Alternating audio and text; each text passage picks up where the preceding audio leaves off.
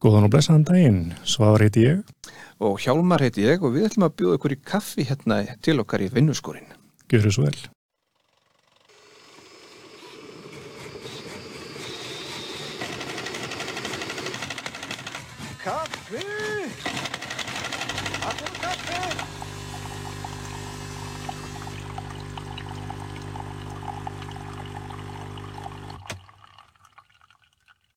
Verðum að múraður á að vera múrari? Já, bara eftir hvað dölur að mæti unnu. Er það, þetta, kemur þetta ekki bara það? Svakalega í múraður. Það lítur að koma ekki þar. En hérna, Það minnir mjög þeirra hérna, Já, núna kemur sterkur inn. Nú mátti læka meira aftur Já. Það minnir mjög þeirra að var hérna Þetta er Gísli Rúnar og Halla Laldi sko, það segi, hvað ertu? Já, ég er hérna Blessaði, kondi hinn mikrofónin það er miklu betra hérna mín Já, það, þú allt annað hérna ég heyra það bara. Allt annað, Já. önnu dýftís og svona. Hjálmar hérna í kaffið þitt. Já, heyrðu, takk. Hvernig, ef þú kemur svona inn í vinnu sko Hjálmar, nú þú ekki verið mikið inn í þeim, en, en ef þú, ef þú getur valum millega þess að hafa klósett eða kaffivél í vinnuskurnum, hvort myndur þú velja? Uh, Kaffivélina. Já, ég held ég að væri það líka, Við sko. sem myndi allir velja kaffi, held ég. Já, þetta er svona það sem tengir menn. já, já. Það er almenna reglan sko að þú mætir átta í vinnu, svo færð að fara í kaffi klukkan tíu og þá er farið í heimsmálin, svo aftur tólf og svo jafnvel þrjú sko ef þú ert að vinna til fimm. Þannig að þú ert að sitja sniður sko þrísvar yfir daginn, öllu jöfnu og fara yfir heimsmálin. Já, þr já þrísvar, fjóru sem. Þannig að þetta er svo miklu meira heldur en bara innar, þetta er líka samverða með, með þessum skýtu slitnu köllum. Já, já, nákvæmlega. En um, Ok, um til startu þessu bara já, við, við bara erum búin að starta þessu. Við erum byrjaðir. Ég, við erum Ok. byrjaðir, það er bara Já, allt já, þetta er allt byrjað. og við erum bara rólegir yfir þessu sko. Þetta er ekkert eitthvað eitthva svona snúið sko, við erum bara slagir en uh, ég held hjálmar að væri við, við hæfi að kynna til leiks uh, viðmælanda dagsins. Mm í dag ætlum við að fjalla um múrara. -hmm. það stendur mér ansinnari ef ég hefur verið hinskilin skemmtilegt að- að fara yfir það. Og við erum með hjá okkur Trösta Einarsson. Hann er uh, kennari við tekniskólan og múrari sjálfur. Velkomin Trösti Já, takk fyrir það. Velkomin.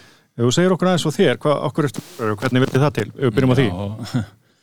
Já, ég, hérna sem sagt e, fæði minn var múrari hann e, fór að starfa í múrverk svona á 1960 eitthvað svolítið í Vestmanni Ok, og uh, síðan hérna er hann að vinna í fiskivélsversmiðinni, Gúanóinu sem að kalla svo og hann uh, einhverjum ástæðum er hann fengið þess að að fara og hjálpa einhverjum vini vesturnas í, yfir eitt sumar eða svo já, Ok. já.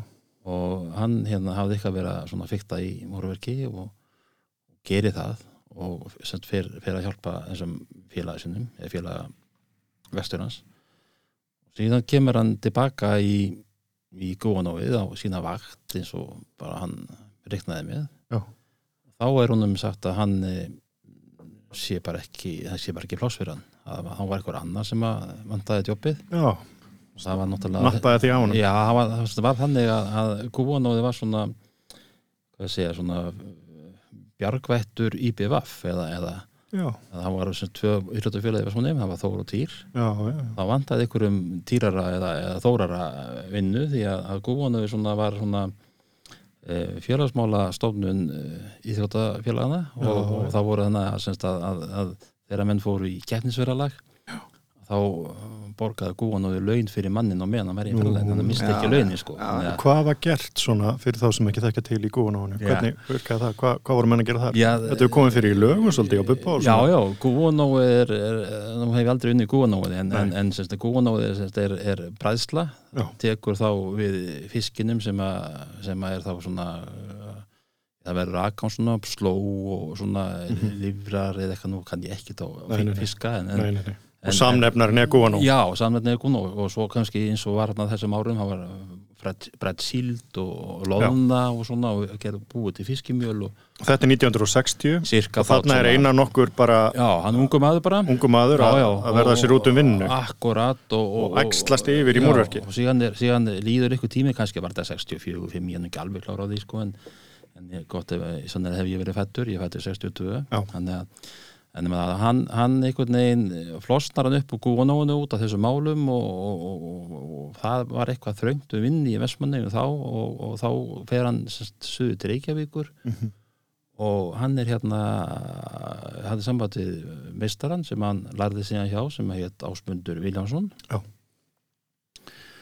og hann hérna semst, eh, út úr því verður flutningur til, til Reykjavíkur. Já, og hérna og já, en háði ali mannin í eigum fram að því? Já, já, ok. og hann er að, að ég semst hef alveg minn aldur hérna í Reykjavík síðan þá Já, já. 67, 8 eitthvað já, og í rauninni hefur þína skólagöngu hér? Já, já, já, Já. mikið til. En fættur í eigum Akkurat, þannig að ég sem sagt e, var nú að vinna með pappa á, á, á árum áður sem úlingur og svona, en það að ég lærði nú reyndar annað í upphafi en, en aðra, aðra yngreina svo. Ok, og síðan hérna svona e, maður sem hjálpast það, þannig að ég fór semst að vinna með honum í múruverk e, þegar ég er svona um það byrð 25 ára. Svona læðist inn í handlang til að byrja Já, með sem svo verður að einhverju meiru og, þú endar sko. á samningi. Er þetta ekki nokkuð algengt meðal strákara Jú, þetta- eins og hjá þér í, í já, þetta, er, þetta er sko þeir eru afkomendum úrara mikið? Já, það, það hefur minkað ok, Já, þegar að, sagt, að fóruvera mínir, hann Rafn og, og, og hann, hann Ingi Gunnar voru uh,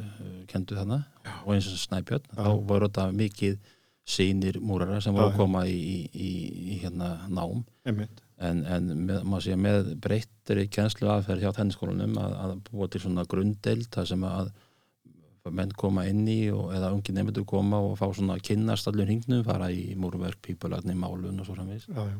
Þá svona, er þetta meira svona eins, eins og, orðið svona eins og fjölbrut og, og þeir fá að, að, að, að umfjöll. snerta á mörgu og svo Já. velja þér eitthvað já, já. þetta hefur bæðið svona kostu og galla og, og Já. hérna, Ég verð að segja fyrir mína part að ég var mjög hrifin sko, ég byrja að læra 2003 og einmitt hérna er hérna bæði með Snæbjörn og svo Rappa og, og fer í þessa grundeld og ég var mjög ánægð með þetta persónulega. Ástæðan var svo ég svo sem vissi hvað ég vildi gera og var búin á hvað ég ætla að fara í múrverk og koma með mestara en mér fannst þetta svo flott fyrir marga aðra. Það voru þarna vissulega nokkri sem voru bara síni múrara og það var bara búið að ákveða þeirra örlög og þeir bara átt að verða múrarar og voru bara að klára þessi formsatriði sem að menn kölluðu réttindi. mhm. En svo voru aðrir hérna sem voru alls ekki vissir og, og, og voru kannski ekki búin að mynda sér skoðun að hvort það er alltaf að vera smiðir eða, eða píparar eða morrar. Já, já. Og þá fara þær í þessa grunddeild og, og fyrir mína parta, ég man vel eftir þessu þó að séu tæp 20 ár síðan að, að þá fekk ég svona smjör þegar af öllu. Mér finnst þetta mjög skemmtilegt að kynnast hérna viðarfræðinni og, og málingapælingunum og, og, og öllu tengt pípum og, og, og því sko. Þannig að þú fær svona, svo, að því svo kemur maður inn á verkstað og, og það er verið að byggja eitthvað einbílishús einhver staðar upp í Kópói eða eitthvað og, og þá svona áttar þið á því hvað verður úr þessari hólu sem að er í jörðinni sem þú ert að horfa á Mhm. þú ert með heildar sínin já. svo fer á stað verkið og þú ert að vinna eftir tekningum grunnmyndum og, og sneiðmyndum og, og svo ertu með byggingastjóra og hann er að tala svona um eitthvað, þú veist, þú, að, þú veist ekki vera þarna núna því að nú þarf rafvirkinn að gera þá veistu hvað rafvirkinn er að fara að gera eða þú er að drífa þig og að því að það þarf að koma þessi þurrkina því að málarinn er að fara sandsbæsla þá veistu hvað málarinn er að fara að gera. Þannig að með grundeldinni þá bæði færðu heldar yfir sín yfir húsbygginguna og ekki síður fyrir þá sem veit ekki alveg í hvað einhverjana vilja fara og fá því kynningu á það möllum og geta svo tekið ákvörun og ég er svo ánægð með það sem að hefur gest hjá ykkur þránni að, að það er uh, rosalega aukning í múrverk, ekki satt? Jú, það hefur verið, verið núna á síðustu, já, ég þarf fimm ár sem ég byrjaði og Já. það hefur verið eh, svona gegnum sneitt svona cirka tíu e, sem sagt í, í, í verklum, verklum hópi hjá okkur, svona cirka tíu manns Já. og það hefur verið núna um það byrju 50 til 55 manns í múrnámi það er magna, semst frá þeim sem að er að byrja til þessum sem er að klára. Akkurat í, sem, sem er í á húsi í hverju, á hverju ári sko. Eru, eru 50 manns núna í Já, það er, Núna það er um það byrju 50 það er svona cirka bát. Hugsaði Hjálmar, 50-55 manns í múrverki í einu á sama tíma. Það er 20 ár enn og aftur síðan ég lærði og þá vorum við 8 og það þótti mjög mikið og við rúmuðust alla í síðmólunum þar sem Já, ég var að læra. Þannig að þetta er nokkuð góð tala þá Já, þetta hefur verið, verið, verið bara mjög góð stígandi undanferðin ár og, Bara og það er ótrúlega flott. náttúrulega má segja þessi grunddeild að að hún, hún, er að, hún er að skila rosalega miklu til okkar. Já. og það en þið eru líka að skila miklu til grundeldar þið eru að já. sína þessum krökkum út á hvað fæi gengur. Þráin hefur séð um grunddeildina og hann hefur gert það alveg afskaflega vel Já. og, og, og vakið áhuga. Algjörlega. Það er náttúrulega ekki latri að það þarf að selja líka fæið En þegar þú ert í náminu, þú hverði inn á með þá Já, ég sem sagt er, kem inn í, inn í innskóla eins og hérna þá, hann þá er ég það 91 eitthvað 90-91 Einmitt. 92 kannski Mhm. Já, og þá sem sagt er ég að teki bara uh, faglegu fögin já, já, og yngangunnari mitt Já. og, og hann kenti sem sagt þá bóklegu fögin og svo var maður sem að hétt Ástráður, ég mann ekki alveg hvers svona hann var en, en hann hérna hann var hann svona eldri maður sem kent okkur svona faglegt svona eins og hann, hann gat gert á þeim tíma, þá voru Mhm. við með í lítildi stofu e, í, í, á fyrstu eða í andiri vörðuskóla. Já, já, fóru verið í snæbjarnar. Já, akkurat, þannig að hérna og síðan þróast það og maður svona kannski sá nú ekki fyrir sér að maður myndi lenda sjálfur í þessari stöðu Nei. þessum tímapunkti Nei, algjörlega ekki, algjörlega ekki þannig er Hva, hvað voru þið þá margir í stofinni að læra mórin? Mórin, já það nú það? Nei, kannski, ég myndi segja kannski svona 8, Já. 7, 8, 8, Mhm. 10 eitthvað svona, það var Mhm. En þarna situr uh, 91 í vörðuskóla í rauninu bara í hefbundinni kennslustofu þú ert ekki neinn í svona eh, hvað segja, múrara Múrara nei, umhverfi Nei, nei, þetta var, þetta var nú hann ástráður var með svona lítil verk og ég man að við byggum til klukku svona og, Já. og eitthvað lýs sem við tegnum inn og boruðum og genum klukku og Einmitt. eitthvað svona smá hluti sko en, en og jú, eitthvað rjátnabindingu gerðu við ok, Mhm. en, hérna, en, en þetta var nú allt svona frekka þröngt og en ferðu svo samningja mestara já, sí- síðan er ég semst uh, læri á föðum minnum og Já, já, já. vin- vinnum saman í áratögi eftir það og og hvað varstu þá lengi á samning? Já, ég... Eða nemendur almennt? Ég man það bara ekki, ég, ég náttúrulega var með sko... En í heildina fjögur ár, væntanlega. Yðnam og undan mér hann, ég var kannski bara eitthvað, eitthvað minna sko, Já. en hann ég, ég... en þarna var þetta í fjögur árið ekki, í hildina? Jú, jú, en ég hef kannski verið með minni sko tíma í samninga því Já, að já. ég var, var búin með annað Einmitt. Sko. já, já. en svo nefn að kemur bara Já. blöður á bakveirun ég nefnilega mann til því líka að það var einmitt þarna, sko, maður var í fjögur árið heila og átjámánu hjá meistara og Mm. uh, maður lærði ekki síður þar en ég var alltaf á því og, og hef alltaf verið í rauninni síðan sko, að, að mér finnst stundum vanta svona bara og, og ég sagði það svo sem hérna við Hjálmar höfum líka verið að spjalla bara við hvern annan um okkur bara til að til að henda því út í kosmosin hverju við erum og þá, þar nefndi ég einmitt líka mér finnst það að þurfa að vera svona gátlisti hjá yðmesturum mér finnst að þeir Já. þurfa að bera ákveðna ábyrð mér finnst að þeir þurfa ef við tökum til dæmis múrverkið að, að þá þurfa þeir að haka bara við eitthvað skjal að þeir hafi á þessum átján mánuðum kent sínum lærling að steipa, múra, steina, hrauna flýsaleggja, flota og, og allt það sem heyrir undir fæið sko. Já, já. Nú, nú, nú er það reyndar í, í farvegi að, að búa til svona feriskrá í öllum öllum og þá uh, er gaman að heyra Já, og þá sem sagt er, er eins og segir þá, þá er bara eitthvað gátlitsi sem að, sem að nefnin er með Já. hann e, á, að sína mestarannum og þá á, að haka í hann að hann er búinn að læra þetta og þetta og þetta Já. og, og, og þegar sagt að, að hefnin er komin á honum hjá honum sem nefnandum þá er hann raunverulega tilbúinn að halda áfram. Akkurat, og þetta er það er tölverður umræður um þetta í skólunum og, og eina viti. og, og, það er líka annars sko að, að það sem hefur gest með, með alla þessa nefndur og grundel sem að koma þá í múrverkið Mhm. að þeir kannski hafi ekki tengsl við yðina sem slíka. Mhm. kannski koma úr öðru umhverfi. Akkurat, og, og, og, hérna, og þe- þessi hópar á kannski erfitt með að koma svo samning. Já. og þá er, er semst, hugmyndi svo að, að skólinn e, semst, hjálpi þessum nefndum að, að, að fara á milli mistara og fá svona þjálfun í mörgu.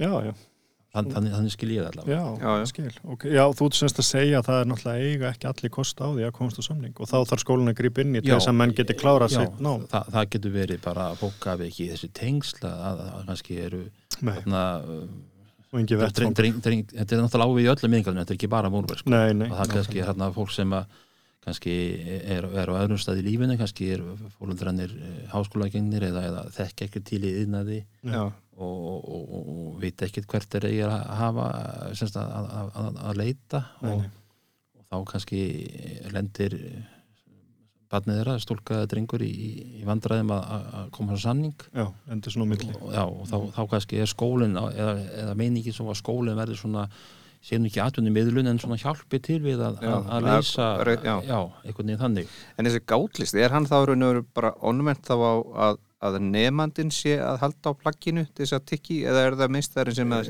meira það- annars þetta? ég held að sé nefandi sem að eigi að, fylgja því eftir að Já, hann, ok. hann, hafi, hann hafi fengið þjálfun í, í, Hann í það þessu, þessu eða hinu sko. Hann sækir það ég, svolítið sjálfur, já. já, ég skilði henni allavega Já, ok. Það, það, fyrir mér meikar að svona, er það svona nokkund veginn svona, svona þá er eh, einhvern veginn meira svona drifkraftur í því að hann sé að sækja það. Já, en við, það, það er- það er allavega um orða þannig, að, nú, nú er þetta ekki alveg komið á koppin Nei, nei, nei, en, þetta er í ferli. en, en þetta, er, þetta er í vinslu og, já. og svona, en, en við, við skiljum það þannig að, Já, já. Ok. að nefn sjálfur er, er umverulega, hann þarf að hugsa um sig og Mhm. hann þarf að ganga eftir því að hann eigi að fá þjálfun í þessu og hínu Já, Já, já. Ég man sko til dæmis bara til samanburðara þegar ég tók meira prófið að þá þá að kennari með svona lista og, og, og þú veist og hann bara þurfti að haka við nú er nefandin minn búinn að taka bóklega þáttinn, nú er ég búinn að kenna honum að bakki stæði, nú er ég búinn að kenna honum að keira með trailer og nú er ég búinn að kenna honum að, að fara inn í þröngagötu eða hvað sem það er. Já, já, og hann bara hakaði við þetta á blað og svo þetta ég að kvitt undir.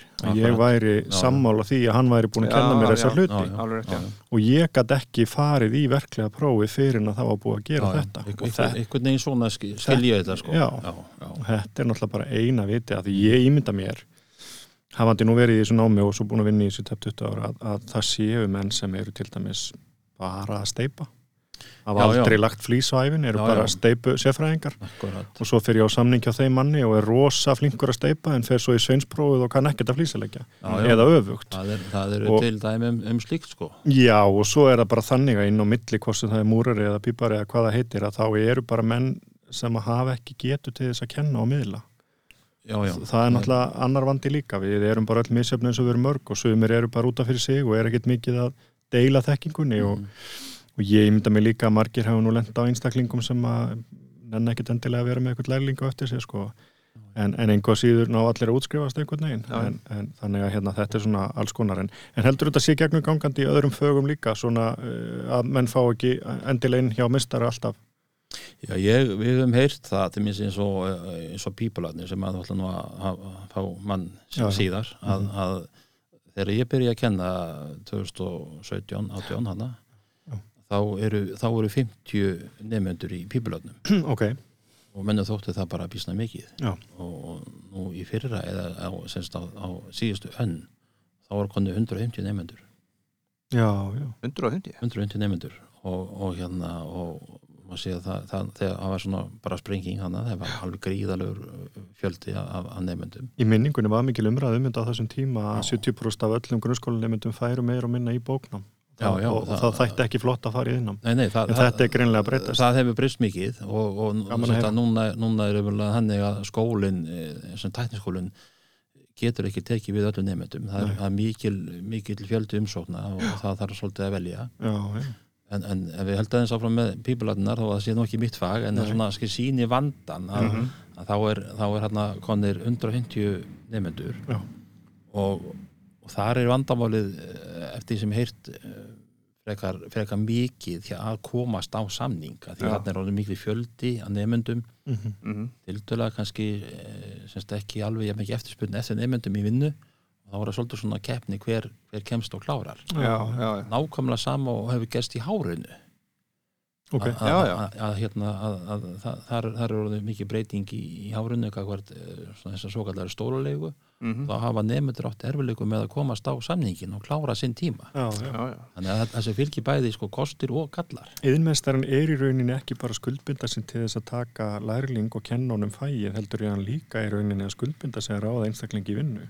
já, já, Þetta fylgir stað. það fylgir stað sko. Þannig að það þarf að hafa pláss fyrir já, já, starfsmann líka. þú, ert- þú, ert- þú, ert með, þú ert með sko ræðir uh, lærling og þú eh, hann, þeir eru skuldbundin hvor öðrum í, ákveðin tíma. Akkurat.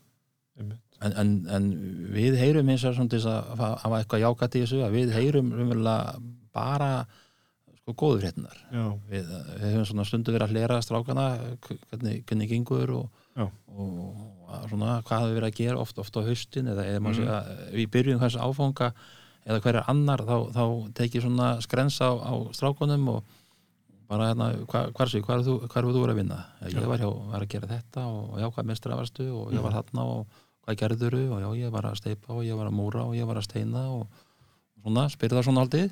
Til að skanna eins hópin svona, hva, Mhm, hva, mhm. hvar eru menn stattir akkurat og, og það virðist vera svona gegnum sneitt að, að, að menn er að fá bara býstna góða kenslu í, í langflestu Já, gott er. þannig að ég hérna já, ég, ég get ekki sett annað sko. En eins og með hérna aldurshópur nefnda, þú veist, maður getur ímyndað sér að einhver komið beint úr grunnskólanum og í yðnámið, eru menn að týnast inn í þetta kannski eftir þrítugt, eftir fertugt, er þetta bara allir kongar á þessu? Já, það náttúrulega er, má segja sko að, að uppistaðan í, í, í þeim hópi sem við erum að kenna eru ungi nefnendur. Já, Það er svona undir svona- 20 Já, svona, svona átján ára og kannski upp í, upp í, upp í 20, 22 svona, það er svona kannski þessi, þessi já, aldur. Svo slæðist inn svona einn og einn eldri. Og, og hérna þeir eru að koma inn af ýmsum ástæðum og fæstir koma inn sko sem, sem nema sko frá grunni það ég veit eru menn þá búin að vinna í Já, vinna við- já, já. já, já, og þá er það að koma í gegnum þess að heitir raunfærdi mat hefur sínt þessi minni. 25 ára.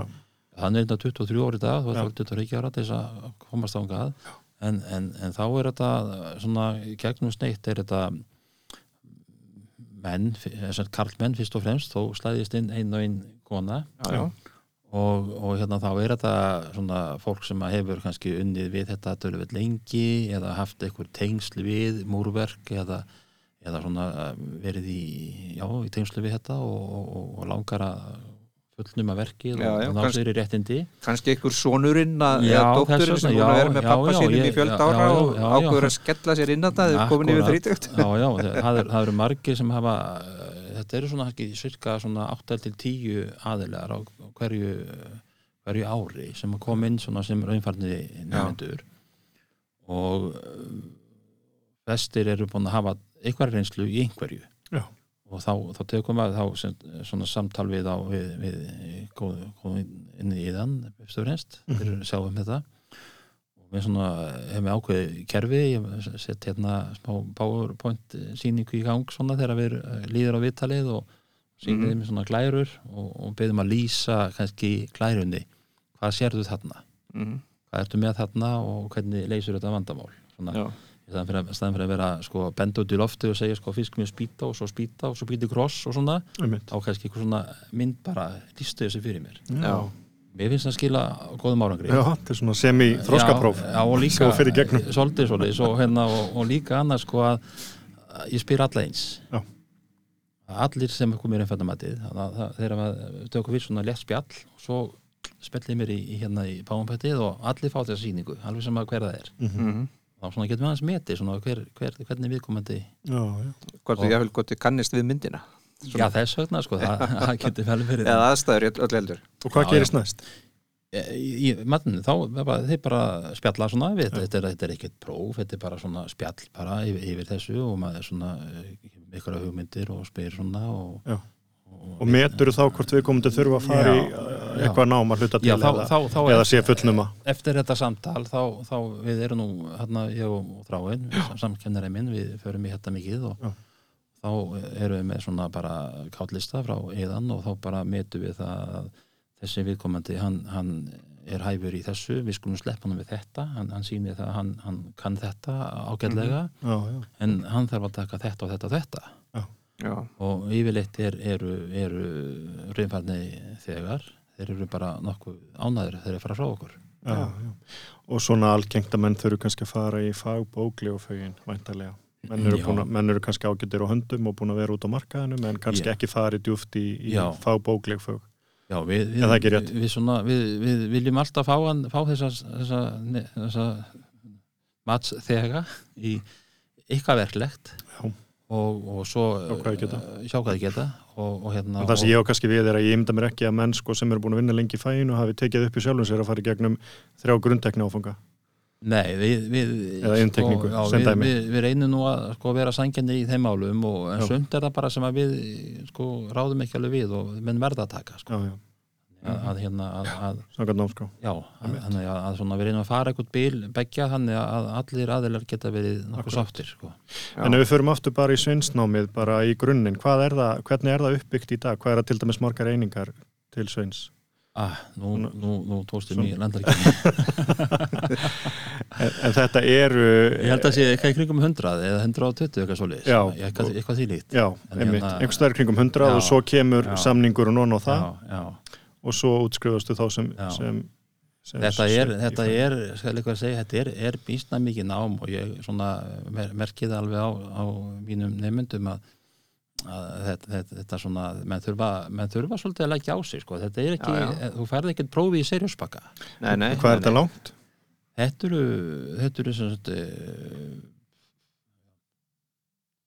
þetta eru alveg tveir, fullir tveir vetur í skóla ef ekki þrýr og, og hérna og menn náttúrulega þeir sem að er að koma beint úr, úr grunnskóla sko, þeir þurfa að taka einsku og dönsku og starfræði og allt svoleiði Ég meina hefðbundi framhaldsskólanum í dag er þrjú ár. Já, ef við já, tökum öll þessi bókli og kjarnafjög með já, þetta er eitthvað mjög svipa sko. já.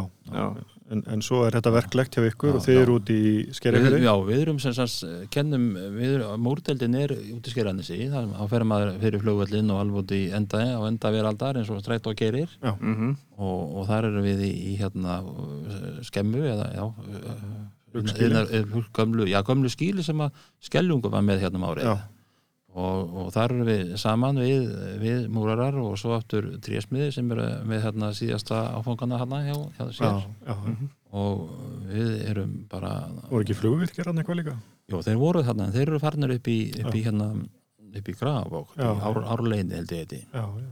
Og þannig eru þið út af fyrir ykkur bara í reysa húsi út í skerjá og hafið það kósi? Já, já, við erum, við erum bara nokkuð, nokkuð ánæðir og, bara mjög ánæðir með þessi og hérna höfum náð að uh, segja nú máltekki sko að hérna að, eh, hvernig er það aftur, það er hérna nýja síðum fyrir ekki nýja herrar eða nýja Já. herrar fyrir ekki nýja síður og, Já. og, og, og nýjir kústar sopa best og svo Einmitt. Er þetta ennþá eins og þegar ég lærði að þú ert á fyrra ári með stykki og svo aftur og setna ári með Já, annað stykki? Já, já, það er, það er svona við, við, ég held aðeins að áfram með þetta með, með húsnæð við, hérna, við hefum, hefum náð að, að, að gera ymsa breytingar á því og, og, Ok. og laga það og gera svona þægilegra og, og það verður nú að taka það skýrt fram að skólastundur hafa verið afskaplega e, jákvæðir fyrir öllum þessum breytingum Já. og stutt okkur alveg í kvívetna Já.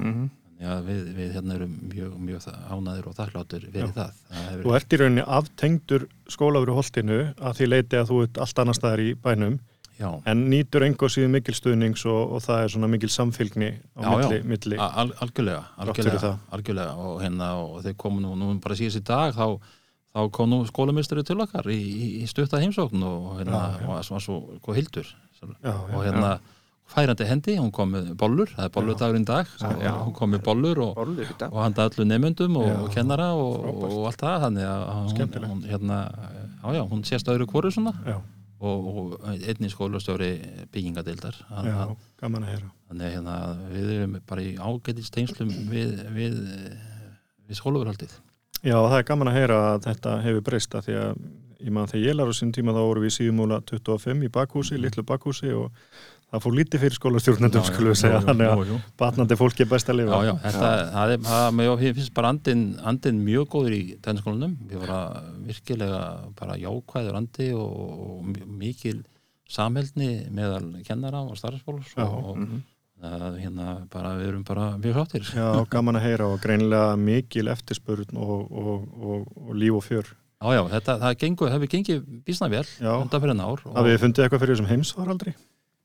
Hafið þið Það- þurft aðalega eitthvað því eins Já, já, já, já, já, við, við höfum þurft að gera það og það má segja náttúrulega eins og öll, öll þjóðin og það náttúrulega var hérna í, já, fyrir akkurat tveimur ára síðan þegar allt svona einhvern veginn smellir í lás þá, þá erum við, eh, þurfum við að loka eins og allir aðrir er. Já, Og- þú lokaði bara. Já, já, náttúrulega, ég lokaði ekki. var- Nei, ég meina því, ég meina að eitthvað tókst ekki að halda félag. Já, það var sem sagt bara ákveðinu skólastunda að loka og, og það var sem sagt að þá færði stöldi bókleik kjensla yfir á Teams Já, Já. og, já, og, og, og það var loka fyrir hérna verkleðakenslu í, í, í Nesi.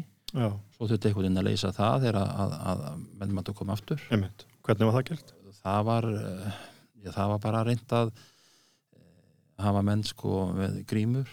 Og, og við skiptum hópnum upp í tvo, tvo hópa svona þess að það var ekki á mikið nánd á milli manna og reyndum okkar besta Tegur þýst þá á náminu hjá krakkonum eða Já, náðu það allir að klára? Það eða? náðu svona flestir að klára það var Já. allavega við skulum orða hann það var, það var allt gert til þess að menn Já, já. gætu klárað og, og, og er þetta ekki fyrir töfum sko. Akkurat, og það tókst held ég bara alveg þokkalega já, og já, og svo hérna sem sagt, hefur, hefur ekki þetta loka síðan en það er svona, það er svona verið á, á, á, á grensunni, sem maður segir Já. Næstu því næstu Næstu því því. en, en, en svona en, en hins vegar hefa verið alveg ótrúlega lítið af veikindum hjá okkur.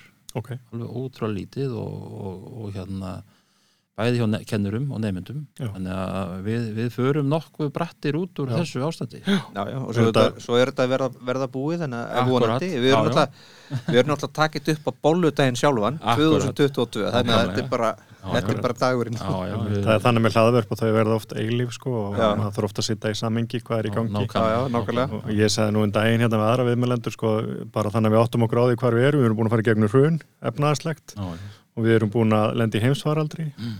og svo e, nýjasta núna er stríð í Evrópu og, og svo bóludagurinn já, já. en, en hérna, ertu með góðan árgang? Er þetta góður hópur? Já, ég- Svona ég- ég- námsfúsir? Já, ég sko, já, já, mér finnst þetta, þetta er náttúrulega auðvitað svolítið misjæft, svona, milli, milli anna, svona, en, en, en mér finnst þessi árgangu núna sem ég er með núna í, í, í kjenslu að vera, vera bara mjög góður og, já, já, ég er svona, Einhverja stelpur? það er enga stúlku núna, Nei.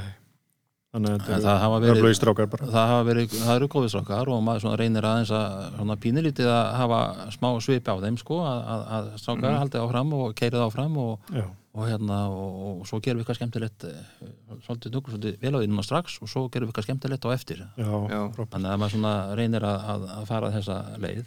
Mhm. Hjálmar spurði mig um daginn þegar við vorum hérna eitthvað að æfa okkur hérna fyrir þessi hlaðvörp og tókum viðtalið okkur annan, hann spurði okkur heldur að séu svona ójöf hlutföll í- í kynja í múrverki. Ég hafði svona mína sín á því og ákveðna Mm. skoðun á því en, en gaman að heyra þína. Hvað heldur þú á valdið því að það sæki svona að fá að stelpur um fæið? já, Hefur einhver skoðun á því? þessi kannski rikið og, og já þetta þingin náttúrulega, bókar náttúrulega er eh, sko þetta náttúrulega er náttúrulega Þetta er klárlega svo yngrein sem fæstar konur sækja í, já, já, ég að segja. já, já, það, þetta er svona þetta er náttúrulega eh, þó þetta hafi lést heilmikið í að gegnum árin þetta, þetta var náttúrulega bara uh, sandur og sement og, og hrært á staðnum og, og, kast, ákast, ákast kastað múrnum á vegg og svona þannig að það byggjast aldrei mikið á, á afli. En, en þetta hefur lést með áranum.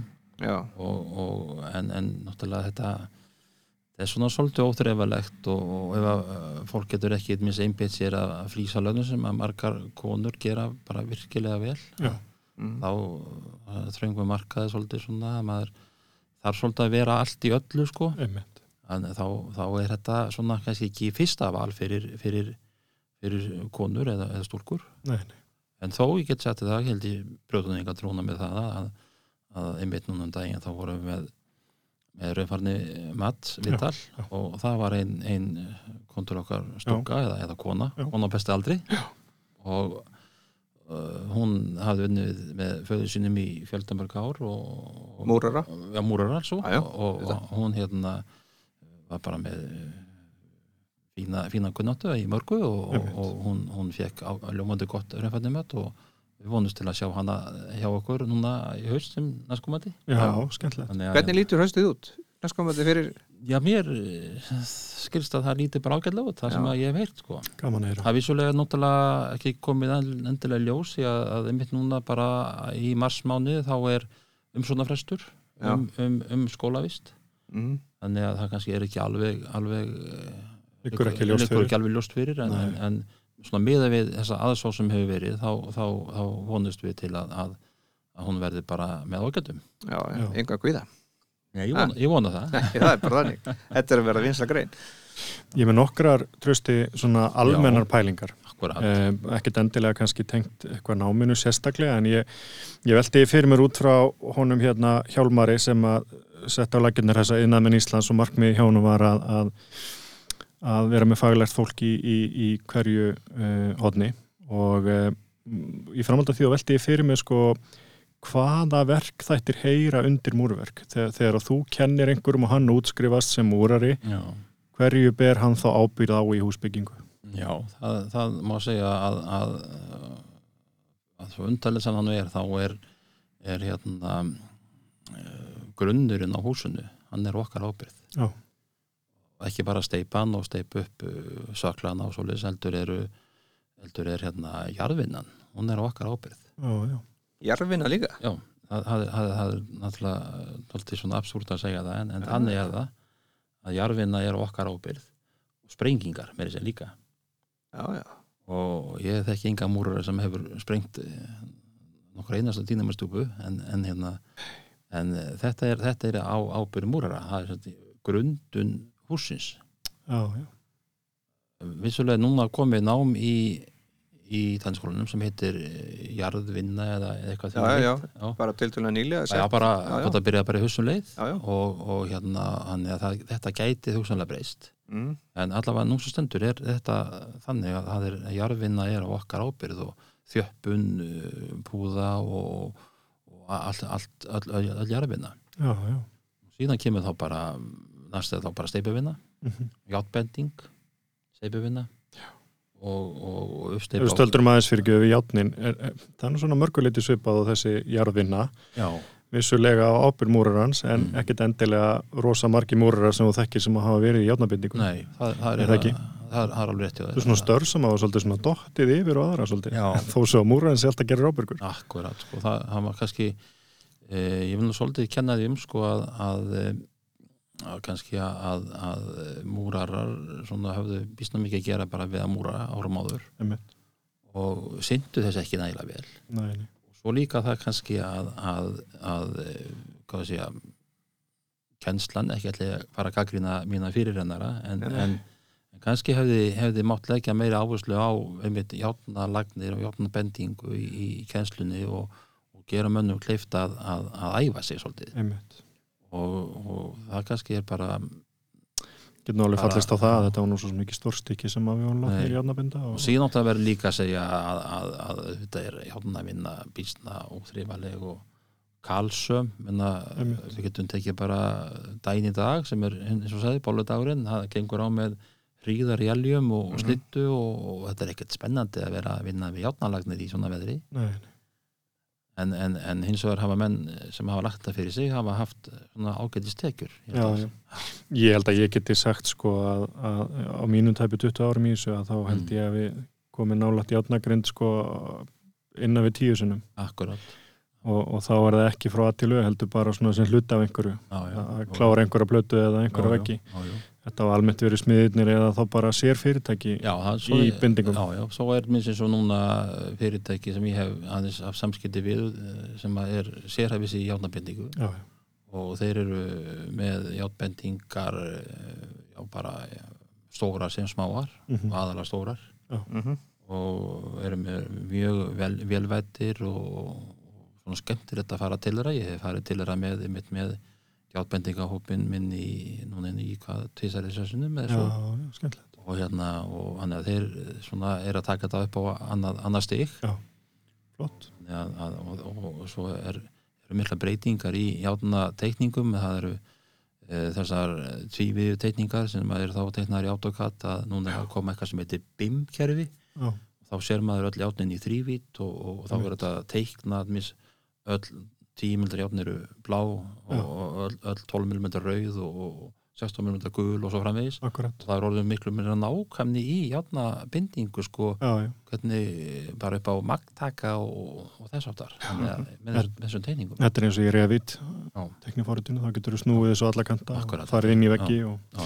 en ef við höldum áfram og klárum játnin hvað, hérna, hvað er þá meira sem að heyrir undir. Já, síðan er það bara þá almennt múrverk einangrun og múrhúðun og, og, og, og svo hérna utan, innanhús altså og svo utanhús er það þá áttur uh, múrhúðun utanhús það er, það er steining, það er filtering og, já, og svo framvegis. Emitt og, um, og svo erum við þá komin inn í húsið og það er til dæmis hérna hérna plast einugrunar plastið, já, já, er það ekki? já, já. það heyrir undir múrura það er undir múrar, já. En svo eru hús í dag mikið einugruða utan.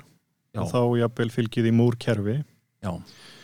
og það er þá líka vantarlega Já, já, múrkerfið til eru líka múrurum og, og, og hérna og uh, bara frágangur af þeim, þá er það einangurinn og, og síðan er það undir múr, grunnmúr og, Já. og flóra. Og svo kannski er húsið þá filterað og málað jafnvel eða filterað og haft ómálað eða þá bara múrað og steinað eða, eða eitthvað þess áttar. Mhm. múrað er hauna, það er svona ímis, ímis því endarlega áferð, Já. er þá steining eða raunhúð, mm -hmm. einmitt, eða slétt húð eða já, það sem við kallum fylgdum, það er þá Já, bara slett húð Fín húð.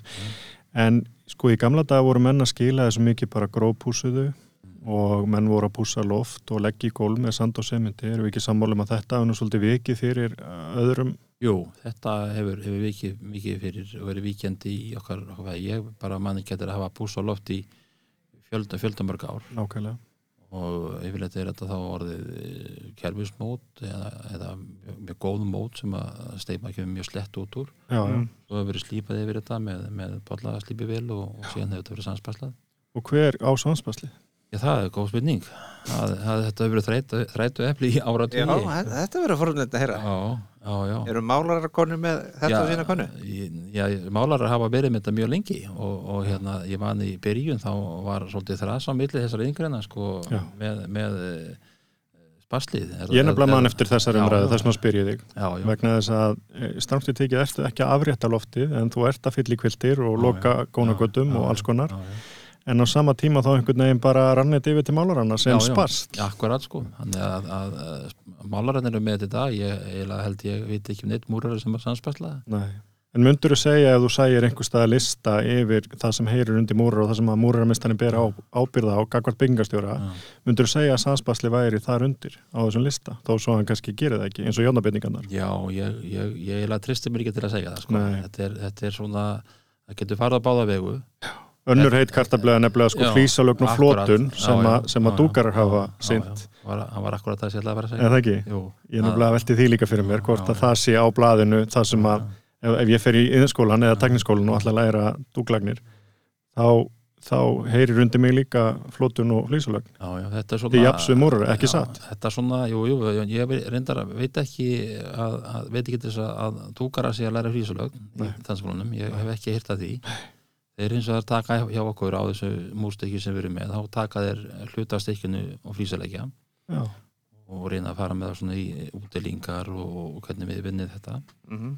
en Býtu fyrir ekki, svo ég skilji þig, er, eru dúkarar að koma, Nei. nefnendur í dúklagningum að koma til ykkar í múrkvöldina? nei, nei, nei, þeir kom ekki til okkar en, Nei, nei. en, en sem sagt að, að nú tölum við kennara saman og, og Guðmundur sem hefur kent útlagnir í, í fjölda mörg ár hann, hann, hann er einn af þessu gömlu kennurum að, í skólunum að hann, hann, hann kennir ekki flýsalagnir sem slíkar heldur náttúrulega er hann bara að kenna dúklagnir og, og þá náttúrulega má segja í dúklagnum er líka þessi reikningur að, að, að deila fletti niður og skipta í einhverja, einhverja helminga Já, til já, þess að- til þess að- deilingar, já, að, að, að, þetta verði fallet ef við höfum ekki sko, einhverja flýs og, og svo er þryggja send með renningur út í vegg skilji. Ok. Já, já, já, já. Þannig að þetta er svona heitt kartefla og, og, og þetta hefur svona verið stundum meiri umræðinu Já. e, einum tíma heldur en annar og, og, og þá hefur verið svona hver, á þetta, hver á flýsalögnuna já.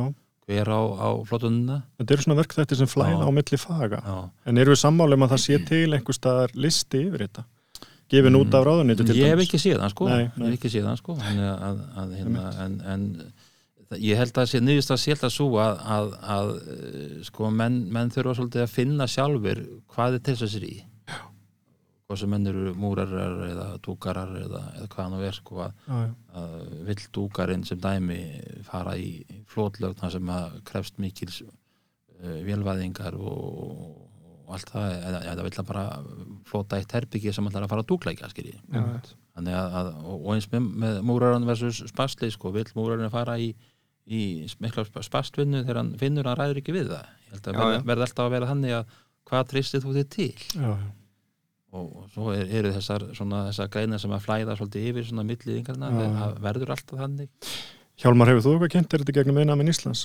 Hvað heyrir undir hvern og einn? Eh, Já, algjörlega sko. Já. Ég er mikið búin að spugla í þessu. Og hvar náður í þær upplýsingar? Ég fór bara inn á hérna, mannverkistofnun og Ok. inn á hérna, og þar fannstu bara lista yfir það hvað hver og einn ber á Já, bráðum. og svo var eitthvað listi á minni með að ég hafi séðan að mentamálaráðundinu að þar hafi verið listi hver gerir hvað Já. og hérna eh, bara rétt þessum með flýsalegnar að það verður verið múrar en ég vissi til dæmis ekki að, að, að, að hérna, skrúðgargjumistera væru með hellulegnar, ég vissi það ekki Nei, þannig að, jú, ég er búin að kynna mér þetta eitthvað liti sko já, einmitt. Þetta er, þetta er aðdeklisvert fyrir marga sakir að því að e, allt svo þú trösti og, og þráin og þið hérna, sem kennið múrverki þið náttúrulega kennið eftir ákveðnu lista og þetta er bara það sem þið ber ábyrða á að kenna nefndum en svo heyrir maður af því að, að aðar önnur fög sé að læra líka sömu hlutina að hluta til Mhm. Já, já. Eins og málarar og dúkarar sem dæmi. Og ég er ekkert að grina það skiljum, maður bara velti því fyrir sér að því að nú hefur orðið mikil framþróun í þessu og, og þegar ég byrja að læra þá náttúrulega voru menn að leggja í golf bara með hrærivél og sand og sement, 1 á móti 5 Já, akkurat. Menn voru að pússa loft upp fyrir sig og, og hérna, og mjög slæmir í öxlum og, og, og njám og mjóbaki og þýra skipta. En í dag eru loft bara sandspösluð og, og golf flotuð. Akkurat. Og sem dæmi og þetta er svona ef að ég er þið spurðu sem úrari hver er mesta framþróunin í þínu fægi þá myndi ég segja já, já, það, en á sama tíma þá renna, renna þessi Já, já. verkþættir undir aðrar Akkurat. það er bara það sem ég er að benda á.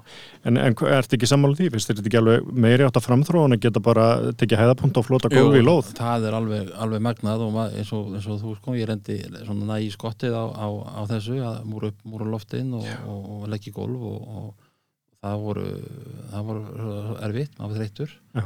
og hann pabbi, hann, hann heitinn, hann, hann sagði mér það að, að það voru margir múrar sem fóru mjög illa í, út af gólfunum Já. og, og hérna og eins líka loftum að menn voru þó, þó, þó voru þau skarrið því að þú gast nú svona byggt undir og verið svona réttir í vinnuhæð sko. já, já, Mhm. en, en, en gólfum voru eiginlega verri sko, það var, það voru nýjan sem fóru þá akkurat að hérna og sementi fennu ekki vel með nuttaskinn já, þannig að, að, að svo, svo svona réttna í skottið á þessum, þessu tvennu sko og svo kemur flotið Já. og það er svona já, svona er, er, er, er náttúrulega allt önnu vinnubröð og, og, og líka það að þetta flota og þú getur lappað inn á gólfið eftir já, örfá tíma, já fjóra, fimm, sex tíma sko. þannig að einmitt En nú voru svo- tískaði ekki hérna, eins og með þetta flót hérna, hérna Nei, ekki flótið, heldur hérna, Mi- míkrósementið. Míkrósementið Já, og ekki já. ná bæðarbyggjum Það er alveg það er hérna, alveg ný nýtt. það er alveg nýtt sko. Það er Alltaf gerist í þessu. er og þar einmitt eru við afturkomnir inn á sko, er það málari eða múrari vegna þess að mikrosement er e, tvíþætt, það er annars vegar svona bara mikrosement eins og orðið gefur til kynna Já, sem að sumir framleiðendur eru með. Og þá ertu bara að draga þunnhúð upp á veggin ekki ólíkt bara að vera fylta 2-4 mm en svo getur þú líka verið hreinlega að vesla við málningaður veslanir bara spastlefni sem þú dreifur upp á og, og glærlakkar yfir. Já, Hvor- hvoru tveggja er sett undir þennan hatt í dag að því við erum aðeins að fóta okkur í þessu og finna taktin. Já. Þetta er þannig að þarna erum við afturkomnir með sko nýjan verkþátt sem að hm, hver á þetta og, og, og, og á, eiga þá strákarnir trusti og þráin að fara að kenna mikrosement af því að það er mikil kunst. Þetta er, er, já, já, við- þetta er, við þetta er hörku aðferðafræði. Já, við við höfum fengið hérna svona öðru hvoru kynningar frá, frá hérna virkum já, byrgjunum sem hafa verið svona fengið hingað þá menn frá erlendis, erlendis frá og þeirra voru núna síðast eh, frá einhverjum byrgjunum að mitt að sína mikrosementið og þetta var daldið kunst sko og mikil, og mikil nákvæmni að vikta efnin Já. vel og, og hafa, hafa eh, nákvæmlega þetta mörg grömm og nákvæmlega þetta mikið vatn það var mjög snúið þannig að þetta var ekkert sko, þú fórst ekkert inn í þetta bara svona með, Nei. bara að þú keftir eitthvað boka í, í einhverju Nei. verslun sko.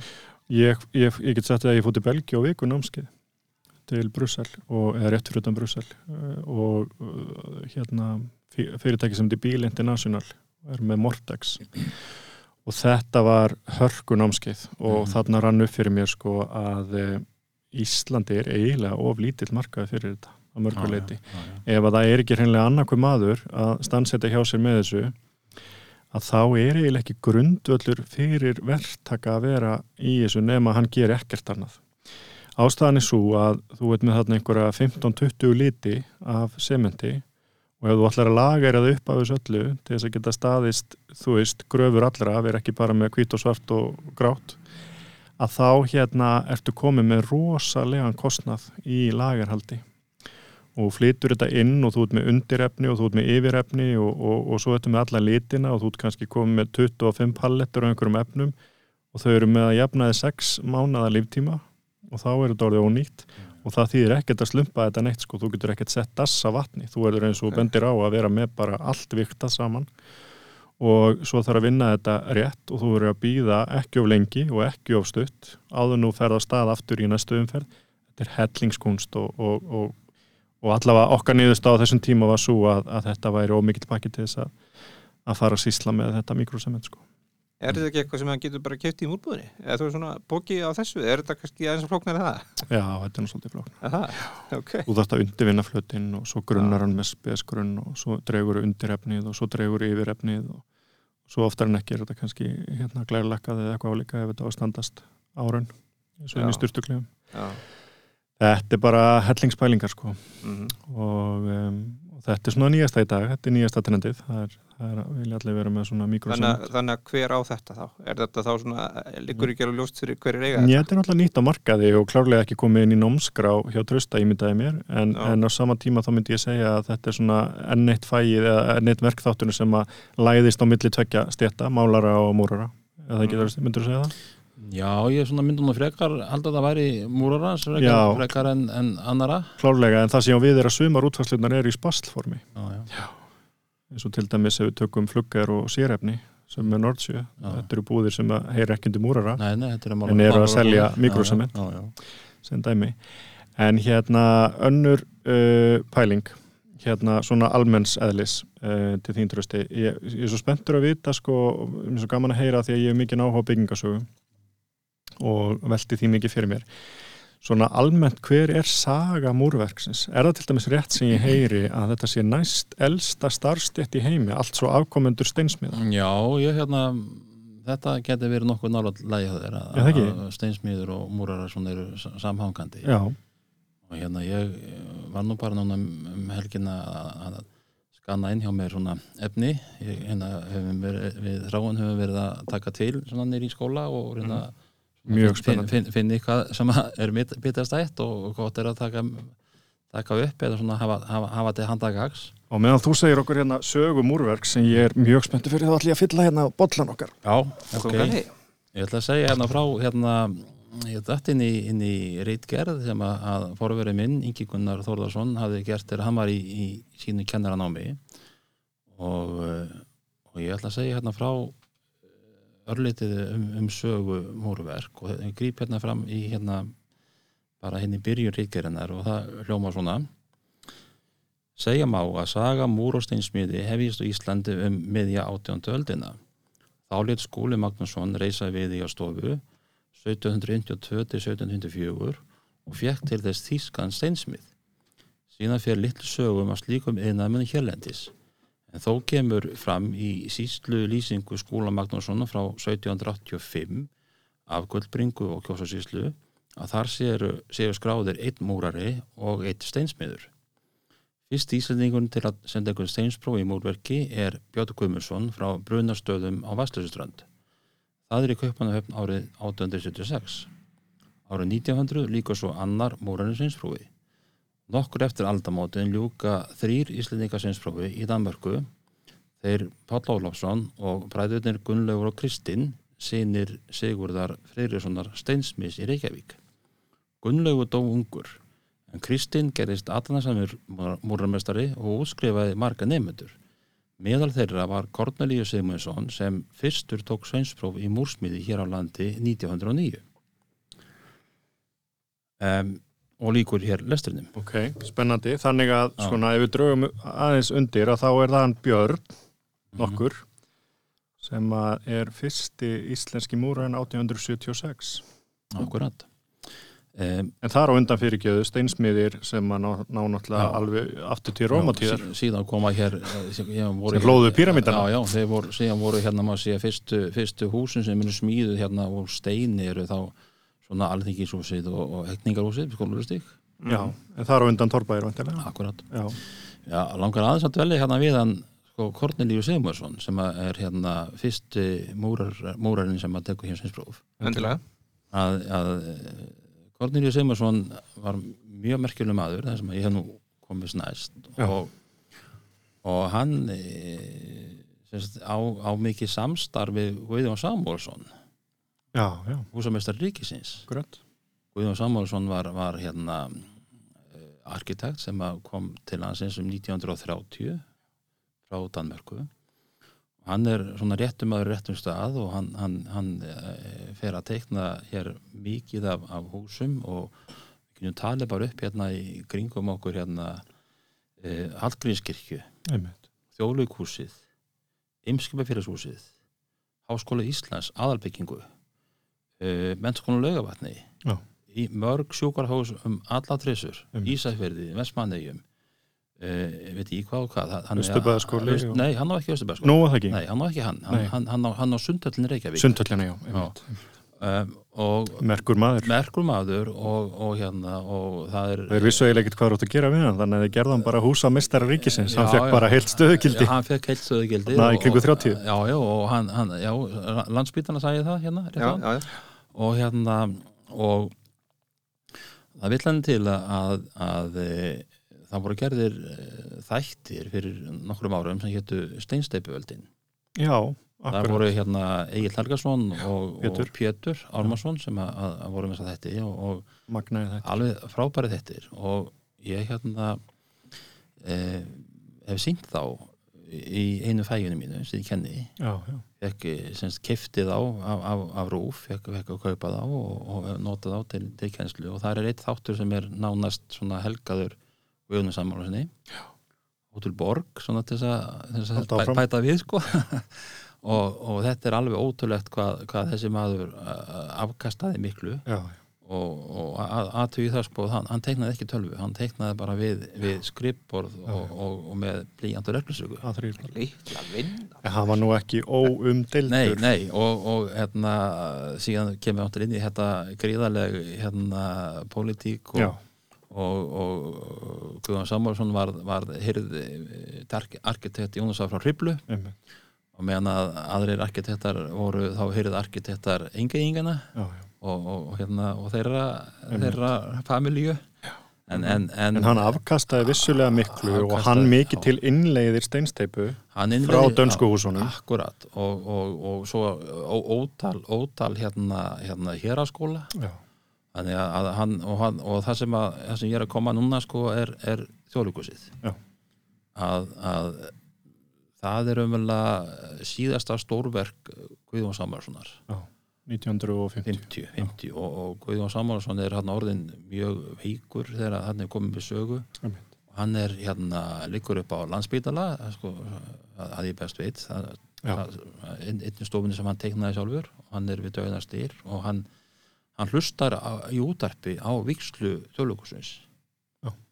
síðan deyr hann bara nokkur dögum síðar. Já, já, en, en, en það sem að, að er svona uh, finnst mér merkilegast með Kornelíu Simarsson að hann átti samstarf við Guðjón Samuelsson og Guðmund frá Miðdal Guðmundur frá Miðdal var, var hérna, listamæður hann var sem sagt uh, hún er farið rétt með, hann har verið hérna, fadir Erró já, já.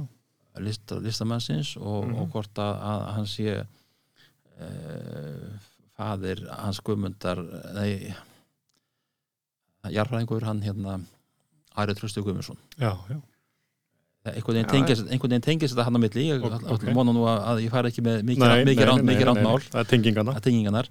En, en þessir þrýr eru, eru skrifaði fyrir þessari steiningu hjá okkur. Já, já, þeir, eh, ég held að ég geti fullir það að Guðmundur frá Miðdal hann, hann, hann eh, náttúrulega var svona náttúrubann, náttúrumadur og hann, hann hérna, finnur hraftinnuna já, í já. og, og það er hún hlutt til Reykjavíkur og Möluð ok. Þetta er þessi kemst næst og, og, og, og, hann, og síðan er þessi steining sem, uh, að, því, að, því sem þeir sögðu uh, hann Egil og, og Pétur Almarsson að, að í þjóðleikusinu náðu þeir að fullkomna þetta, þetta verk, steininguna Já, hafði, náttúrulega verið notu sko á melónum og í, í, í hérna, Já. háskólunum og svo framvegis en, En, en, En- fram að því hafði, hafði þessi hrapptinu náma ekki verið já, já, opnuð. það, það, það, það skils mér sko og, og, og en, en sett, í, í við þjóðlúkusið þá svona, það, það, svona, það, það var verkið, það var stóra verkið það, náðist að að- að- að- Punkturinn yfir er já. og, og hérna og þarna var þetta unni með sand og sementi já, dreigið upp á flötin Já, og, og, og einhver salli blandaði við. Það eru, það eru fleiri efni í sallanum heldur en bara hrafnina. Sko. Og þessu svo kastað á og gaman að segja frá því að þjóðleikúsi hefur staðist ótrúlega árun gegnum árin, þetta er orðið yfir 70 ára gammalt hús og, og, og, bara hefur staðið sér ótrúlega vel. Og almennt hús sem eru stein á Íslandi finnst mér, sko. ég meina við sjáum hérna bara í kringum miðbæinn og hlýðarnar og, og hérna þessi hús sem eru byggð þannig kringum 1950 vissulega mikið til komið á viðhald en hafa staðið sér ótrúlega vel í samanbyrðu um allt. Og ég vil meina ástæðan sér svo að, að vatn næri ekki að liggja á fletinum. Það Mhm. perlast alltaf. Þú ert, með, þú ert með ísingu, þú ert með snjó og þú ert með vatn og það, það næri ekki að liggja á fletinum og vinna á honum heldur perlast það og drópast akkurat. Þetta er ótrúlega öflug klæðning Ég held nú reyndar að, að þegar þjóðlökusöf var endur nýjað hérna um, um árið, það nú kannski orðin 20-25 ár síðan, ég hef bleið 30 en ekki alveg kláraði, mm -hmm. þá, þá, þá var það steinað utan aftur. Þá var þessi náma í, í hrafnuniskeri opnuð að nýju akkurat, bara fyrir þetta verkefni. bara verið þetta verkefni Já, já. undan þá En var þetta þá ekki einhver, þetta hlýtur að vera spes kunst að, að, að, er þetta kannski ekki kunst fyrir múnar að enda þessu svona viðgjum? Jú, þetta er náttúrulega ákveðin æfing og þetta er, þetta er, þetta er, þetta er eins og steiningi þarf að ganga rosalega svona í flæði, þú veist, við megum ekki stoppa með í vekk og færi kaffi, sko. Já, það er ekkert svo leiðis. Nei, við verðum bara, það verður bara að klára fletina. klára Það er engin kaffiskúr. Já, þ- þú klárar flötin Já. og svo þarf þetta að taka inn í sko, er ég til dæmis að vinna norðan megin á húsinu þá, þá hef ég nú aðeins meira sögur umheldur en ef ég er sunnan megin Mhm. vegna þess að undirefnin þotnar hraðar á suðurliðum og svo þarf þetta að horfa í að fá alls ekki lóðrétt eða lárétt skil og þetta er unnið eftir kunstarinnareglum en á þessum tímapunkti þessum tröst er að tala um þetta 1950 þá var náttúrulega verið að finna upp hjólið. Þetta er algjört frumkvöðla starf á þessum tíma. Í dag er bara að henda upp vinnupalli og svo bara komið múrdælu og steiningalími fretað á og svo eru menn bara að kasta í og, og, og, og vanir menn er að gera þetta bara á tveim dögum sko, svona hús. Já, en á þessum tíma eru menn bara með hugsaðir, þeir eru bara með hrærivélar kannski og, og, og, og, og sand og sement og, og hérna múr sem er náttúrulega miklu þingri í vöfum heldur en steiningalím Mhm. og svo eru þeir að milja þessar haftinu í bland við annað eins og marmara og alls konar salla og, og kasta þessu á þetta er náttúrulega heimin og haf hvernig þetta var þarna og hvernig þetta er í dag en, en, en skemmtilegt og, ótrúlega skemmtileg saga trösti á bakvið þjóðleikúsi og ekki síður Hallgrímskirkju hún er ótrúlega lengi byggingu og, já, já. og, og lengi að rýsa og alltaf að stoppa út af fjármagni og alls konar Mm bæði skipið og, og turnin já, já, það er hérna e, fæði minn var nú reyndar í Hagniskirkju Já. síðustu árin sest, sest, e, það er, það er, hún, hún er við 86 sko, hann, hann er að vinna hann að hanski 82, 3, 4 og áfram eitthvað E, alveg til enda, hún er vík sko. okay. En hún var í það heila í 50 Já, hún var, hún var heila frá, frá 1940-45 sko, og þá var hún byrjað á henni og, og hérna, ég, ég náði nú sjálfur að vinna aðeins í kirkjunni sko, Nú, nú. Já, en það var nú ekki mikið en, en þetta var eh, svona rosalega svona stórt verkefni Já. og, og mjög, mjög svona mannfrekt. Ég man þegar ég var í náminu og fórum við á hérna sapn man nú ekki alveg hvað sapna var, skiptir ekki öllu og þá bara fórum við gaggjert til þess að skoða sögu Hallgrímskirkju. Já, já, alla trépallana þarna upp í 80 metra eða hvað það var, já, já, 70 metra já, já, ótrúlega saga á bakvið þessa byggingum. Já, já hún en svo er þetta kennileiti höfuborgarinn í dag. Algjörlega, það var eins og kemur fram í þessu þáttu sem ég nefndi hérna rétt á hann að, að, að þar er þar, þar, þar segja frá því sko að, að það var alveg gríðarlega gaggrinni á kirkjuna og, og, og, og hann, hann hérna Egil segja frá því að, að, að sko að ef okkur finnst vera eh, mikil svona hvað segja svona ljótt orðbráð á, á, á þessum samfélagsmiðlum í dag þá er það hjómeitt með við það sem var gagvart Guðjóni og þessari kirkju. Já. þannig að það var, hann, þetta, þetta var mjög stóð mikið styrrun þetta. Já, það var mikið ströggla að koma sér gegn og heil nefnd skipuð utanum hana já, já, sem að vann þarna já, virkran á milli að koma Og, þessu og, áfram. og meira þessi orð ljóð í, í lokin sko. Já. og samestur ríkisins tók handfylli sína leir. Og hérna svo endar á því að segja sko húsamustur ríkisins, ekki meir, ekki meir nákvæmlega Já, Þetta er alveg merkileg saga eins og ég segi, ég svona hef mikið náhuga á byggingasögu og hvernig þetta þróaðist og, og ég voni ég ljú ekki þegar ég segi að steinstæðböldin er á sarpinum hjá Rúf og ég hvet bara alla til þess að kíkja á þess að þætti hvort þeir voru 6 eða 8 Já, þeir voru, þeir voru fimm og þeir eru fimm Já, og, eru þeir og- fimm, já. og, og þeir, þeir enda sem sagt upp í, í, upp í breðvaldi sko. Já. hann enda þar Þetta er svo skemmtilegt ef mér til byrja bara þarna nánast niður á Hafnagarið þar sem Ingólu nemur land og, Akkurat, og bara, og, bara eldsnemma, ég ætla nú ekki að ljúga um ártali, ég er búin að gleyma því. Og þar kemur bara hverju við 1, 101 það það byrjar sko og svo enda þeir upp í já, 111 já, það byrjar sko, hann, hann byrjar hann að það sem að það er brunni miklu í Reykjavík. Það er rétt um 1900 Já. og, og, og þá, þá kemur ljósa að, að, sagt að þá er umvel hætti þessi timpurhúsamenning og þeir sjá það að, að steinum sem stóðu sér betur í Akkurat, og, og þá, þá byrja þær að byggja þarna í Össustræti og, Já. og það er í kringum, það sem er eh, í kringum landsbankan akkurat. Þetta er ótrúlega skemmtilegir og fróðlegir þættir. Mjög skemmtilegir, virkilega. Og bara gagliði fyrir alla Mm. yðnamenn í rauninni að þekkja söguna. Nákvæmlega, af nákvæmlega. því þetta sýnir í rauninni ekki bara hvernig húsa húsbyggingar þróuðust allt svo efniviðurinn og, uppbyggingin. Við förum úr dönsku húsunum þessum tjörguðu timburhúsum með aðþakki og upp í þessi steiftuhús heldur sýnir þetta líka hvernig hverfin byggjast upp. Maður horfir á postnúmerinn bara hérna hvernig, hvernig, þetta, hvernig borgin byggist til austus mjög fróðlegt, mér finnst þetta mjög skemmtilegt og bara enn og aftur hvet alla til þess að kíkja á þess að þætti. En um, sko við sko, já, við, sko ég segi sem svo að við erum afkomendur steinsmiða sem að er náttúrulega ótrúlega um, uh, gömul innstjætt og er það ekki rétt hjá mig trösti að þeir huggu til íslensk bæði berg og hraun og hlóðu torbæi Já, ég hef nú ekki alveg Nei. þessu, en ég, ég hérna, fór fyrir nokkuð ára síðan var eh, boðið í félagskap sem ég er í að, að fóru nýr í Alþykishús já, og uh, það var svona uh, góð kona það sem tók á mót okkur og, og sínt okkur söguna. Já. og ég held ég farið rétt með það að, að uh, Alþykishúsi er laðið úr, úr grjóti sem kom ofan úr skólabröldi já, 1800 og eitthvað. Já, og það voru sem sagt þýskir þýskir e, Steinsmiðir? Já, ég held að þýskir.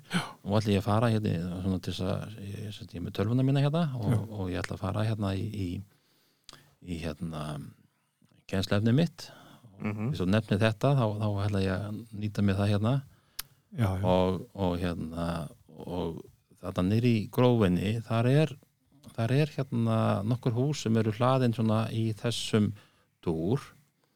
Og alþykishúsið sjá hérna aðeins að gefa mér eina mínútu En það sem ég er að hugsa er bara í rauninni hvað þetta er merkilegt að, að, að múrari sem slikt tekur í rauninni við af steinsmið og steinsmiður er í rauninni sá sem að byggir í rauninni bara fyrstu húsin á Íslandi. Af því að það eru bara alls ekkert mörg ár síðan ef við skoðum til heldarsaminginu í sögunni, byggingasögunni þá er alls ekki mörg ár síðan að við vorum bara í torkofum og á moldargólfum og e, mér finnst það mjög merkilegt í svona hildarmyndinni í sögunni að, að, að forverar okkar múrara hafi verið þeir sem að hlóðu uh, torbæina mm. og einangruðu með torfi. Hvernig er na, fyrsta fyrsta stifta gólfið? Já, Sko það talaði með eins og, og Trösti nefndi hérna með steinstæpöldina að, að í kringu 1900 og upp á 1900 þá erum við og mikið bara að byggja dönskús Mm að dönskum sið úr timbri.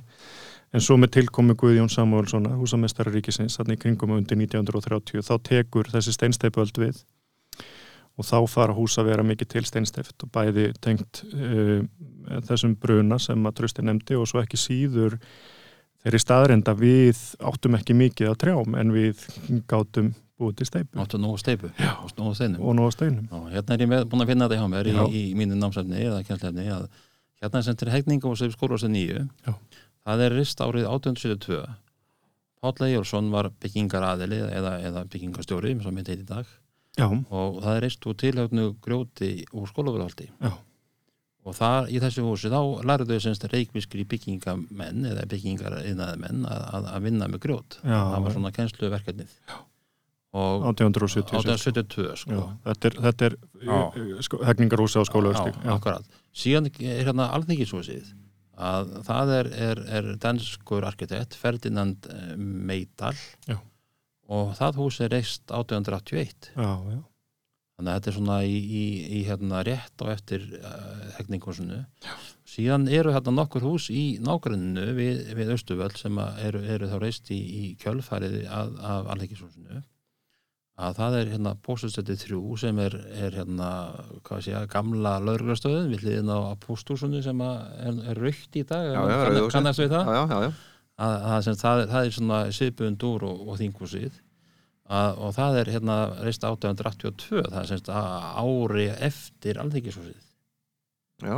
þannig að þarna eru þau svona hérna, svipuð og, og síðan er þessu húsi beitt þarna eh, sem sem bóstöndi þrjú er breytt þarna 1922 og sett á það annað þak heldur en var uppalega já, þess að nýtur aðeins öðru í út. Og, og, og síðan kemur hérna hvert húsið á fætur öðru hérna uh, landsbankahúsið sem við þekkjum Östrut 11 Já. það er hérna kemur hérna 1896 og, Já, já. og, og hann að, það er laði líka það, það er svona byggt úr þessu, þessu, þessu formi sko. þannig að þarna er, er en, en það hús er eftir Guðjón Samúelsson já, já, þannig að hann notfæði sér þessa, þessa kunnáttu sko. Já. Þannig að þarna eru svona nokkur húsanir í kvosinni sem eru svona við þessu, þessu formi sko. einmitt. Mjög, mjög, mjög spennandi og, og hérna og þarna, þarna sjáum við aftur sko svona tískubilgju og maður ræði mikrosement á þann sem er svona alveg að nýjasta núna á, á okkar öld. En, en þarna er verið að hlaða húsin og, og, og bara fúu fylla með múr á milli eða, eða þeim efnum sem voru við líð á þeim tíma. En svo til dæmis erum við komin til 1950 með, með byggingu þjóðleikúsi sem er þá steina með er steinstift og já, já. sta- já, staðsteft hús og, og steina með hraftínu sem er þá íslenskur efni viður Þannig þannig er það sko hjá okkur að svona svolítið í, í lífinu sko við erum alltaf að fara í, í, í ringi sko. Við, e, e, menna, við munum báðir eftir því þegar þegar nánast hvert einasta hús var, var raunað einmitt. Og það eru heilu hverfin í Reykjavík bara dögum bara já, selja hverfið, breyðholtið í svona Norðurmýri. já, nei, sko, nei, sko raunað Já, hraunað, já, hraunað. Að þá, þá, er, þá er það e, gegnum gangandi allt, allt selja hverfið í breyðholtið sem dæmi sem er mikið í raunað Já, ég ætlaði einmitt að fara að tala um svona tískubilgjur sko, Já. af því að uh, til dæmis ef við tölum um graf og einn sem er í byggingu svona kringum 84-5 að þar var mikið hraunað, mjög vinsælt. Og þá einhvern veginn hafði allt fram að því verið annarkvort skeljað með skeljasandi eins og norðum mínu sem ég ætlaði að fara að tala um já. eða steinað eins og hlýðarnar sem dæmi, heilu hverfin bara öll steinuð eða öll skeljuð. En svo förum við á stað þarna með grafavegin og, og hérna og þar er annarkvort hús hraunað og þetta er, einhver, þetta er einhvern veginn bara svona eh, myndur ekki segja, þetta væri bara tískubilgi þetta Jú, er bara, þú veist, það er bara það er einhver hjón að fara að byggja sér hús og, og það er allir hrauna og þau bara hrauna líka. Jú, jú, það, það líka kemur til sko, hann, þú glemdir hann á milli sko, frá, steiningunni í melónum og hlíðunum sko, þá kemur slettpúsning. Hún er hann mjög, mjög mikið og tekur ferð aðeins ofar í, í borginni, ferð upp í háaleiti. Þá er, þá er, þá er það allt, allt saman slettpúsað, já, og, það- er bara slettpúsning Já, og, og, og og, málað. og, allt það og síðan kemur þá beigjólt eitt eða sem bakkarnir. Það, er allt þessum dúr sko og svo fyrir aftur að koma hérna upp í, upp í seljakarfi sem, að því að aftur heima þar um tíma sko. Þá, þá er þetta kannski líka aðgengi að efnum sko. Hva, hvað er, hvað er, er, er gott að nálgast Já, og hvað efni er í gangi Það er í gangi hverju sinni Já, En hvað er svona eh, þitt uppáhalds ef að þú verður að byggja þér hús? Hvernig, Ég- hvernig myndur þú byggja það persónulega? Ég, ég, ég er með sjálfur með steinahús Já, hrifin af því. Já, mér finnst það eh, svona Skemmtileg áferð. Já, mér finnst það skemmtilega áferð og, og, og líka, maður náttúrulega þarf ekki að mála Nei, nei. en, en það er náttúrulega vissulega dýrara að gera því upphæfi en, en, en svo náttúrulega spara maður þá málingu í, í, á móti þannig að það, Það svona, tekur þá vinna málarunum en, Já, já, en, en mér finnst það mjög skemmtilegt efni og, og, og fallið steining er, er, hérna, svona augna endi mjög, mjög lengi sko. já, ég er mjög samanlegar. Ég er eiginlega þarna líka, sko. En hvort ert á því að hús eigi að vera einungrað utan eða innan? Já, það er, þetta er góð spurning sko. þetta er góð spurning Já, bara þitt persónulega mat og þetta ekkert að leggja fyrirlina við því. Já, já ég, Já, ég náttúrulega er alveg upp við það einangur húsa innan. Og, og það, það, er, það er svona það sem ég þekki best. Og, og, síðan náttúrulega eru komnar fram nýja rannsóknir sem að sína að, að, að einangrun utaverðu er, er betri. Við erum ekki með þessa mikla kuldabrýr og, og þetta eins og við sjáum uh, mjög miklar sprungur við gerðir eins og steipuskilum og það, það, verður þessar sprungur vera til vegna þess að það er hann varmi í, í plötunni sem gengur út í, í veggin akkurat og síðan er hann svona tók á milli, milli kulda í útveggi útvegg og svo aftur varma í plötur sem að tengist aftur útvegg. Þannig að það er svona aldrei svona tók á milli þeirra og svona, þensla fram og tilbaka kraftar. Mhm. og, og einmitt í veðurfari eins og búið verið undir hann daga hérna búið að vera svona pluss 2 gráður, mínus 2 gráður og rigning og, og snjókoma og allt þetta allt þetta hefur verið áhrif Mhm. og, og þarna kannski er svona helsti galli þessarar eh, einangrun og einanverðu Já. að nú ef við höfum einangrun utanverðu þá, þá er, er steinin alltaf heitur einmitt. Þannig að, að, að það er sennilega betri nálgun. En, en, það, en, en sko svo erum við að sjá náttúrulega líka í dag um, hvað ég segja þessi, þessar það er alltaf byggt hús nema inn á grautaverðu og, og, og þá hérna oftar en ekki klætt með áli eða, eða, eitthvað, eitthvað, eða stálklæningu eða eitthvað svona klæningu við vitum ekki hvernig það verður eftir 20 ár. Nei, nei. Við, en hins vegar höfum við hús hérna bara eins og við erum búin að fara í gegnum borginar umverulega við höfum hús hérna nýri í 101 eða, eða í, hérna á þeim slóðum sem að eru einungur með þessum hætti sem að við erum að, að, að, að þekkjum hvað best. Og þetta eru hús sem að standa sig bara mjög vel og, og hafa, hafa og, og, og, og eru, eru bara, bara flott og fín sko. Þannig að Ég oft velti þessu fyrir mér og sko ég, ég, ég- velti aðeins fyrir mér líka sko með hlýðsjón af því mm, hversu húsið er vel einograð ég meina hérna í gamla daga var þetta einograð með annarkvöldu vikri eða það er á undan sægi og dagblöðum og, og kannski ekki íkja beisin einogrun, korkur kannski. Og svo skiptum við yfir í steinull sem er sér íslett fyrirbriði og mjög öflugt eða plast og, og og þá í rauninni eru enga fossendur lengur fyrir því einangra húsa innan. Eða málsins samkvæmt einangrar ekki húsa utan með sægi eða dagblöðum. Nei, en þú getur það vel með, með, með þessum kerfum sem við höfum talað um hvort sem Mhm. það eru kerfi byggð á plasti eða, eða ull. En þá ertu einmitt að loka á uh, allar kuldabrýr, þú ert í raunin að verja burðavirkið og burðavirkið þarf í raunin ekki að gera neitt annað nema þjóna sínum tilgangi sem burðavirkið, það þarf ekki að vera veðukápa nei.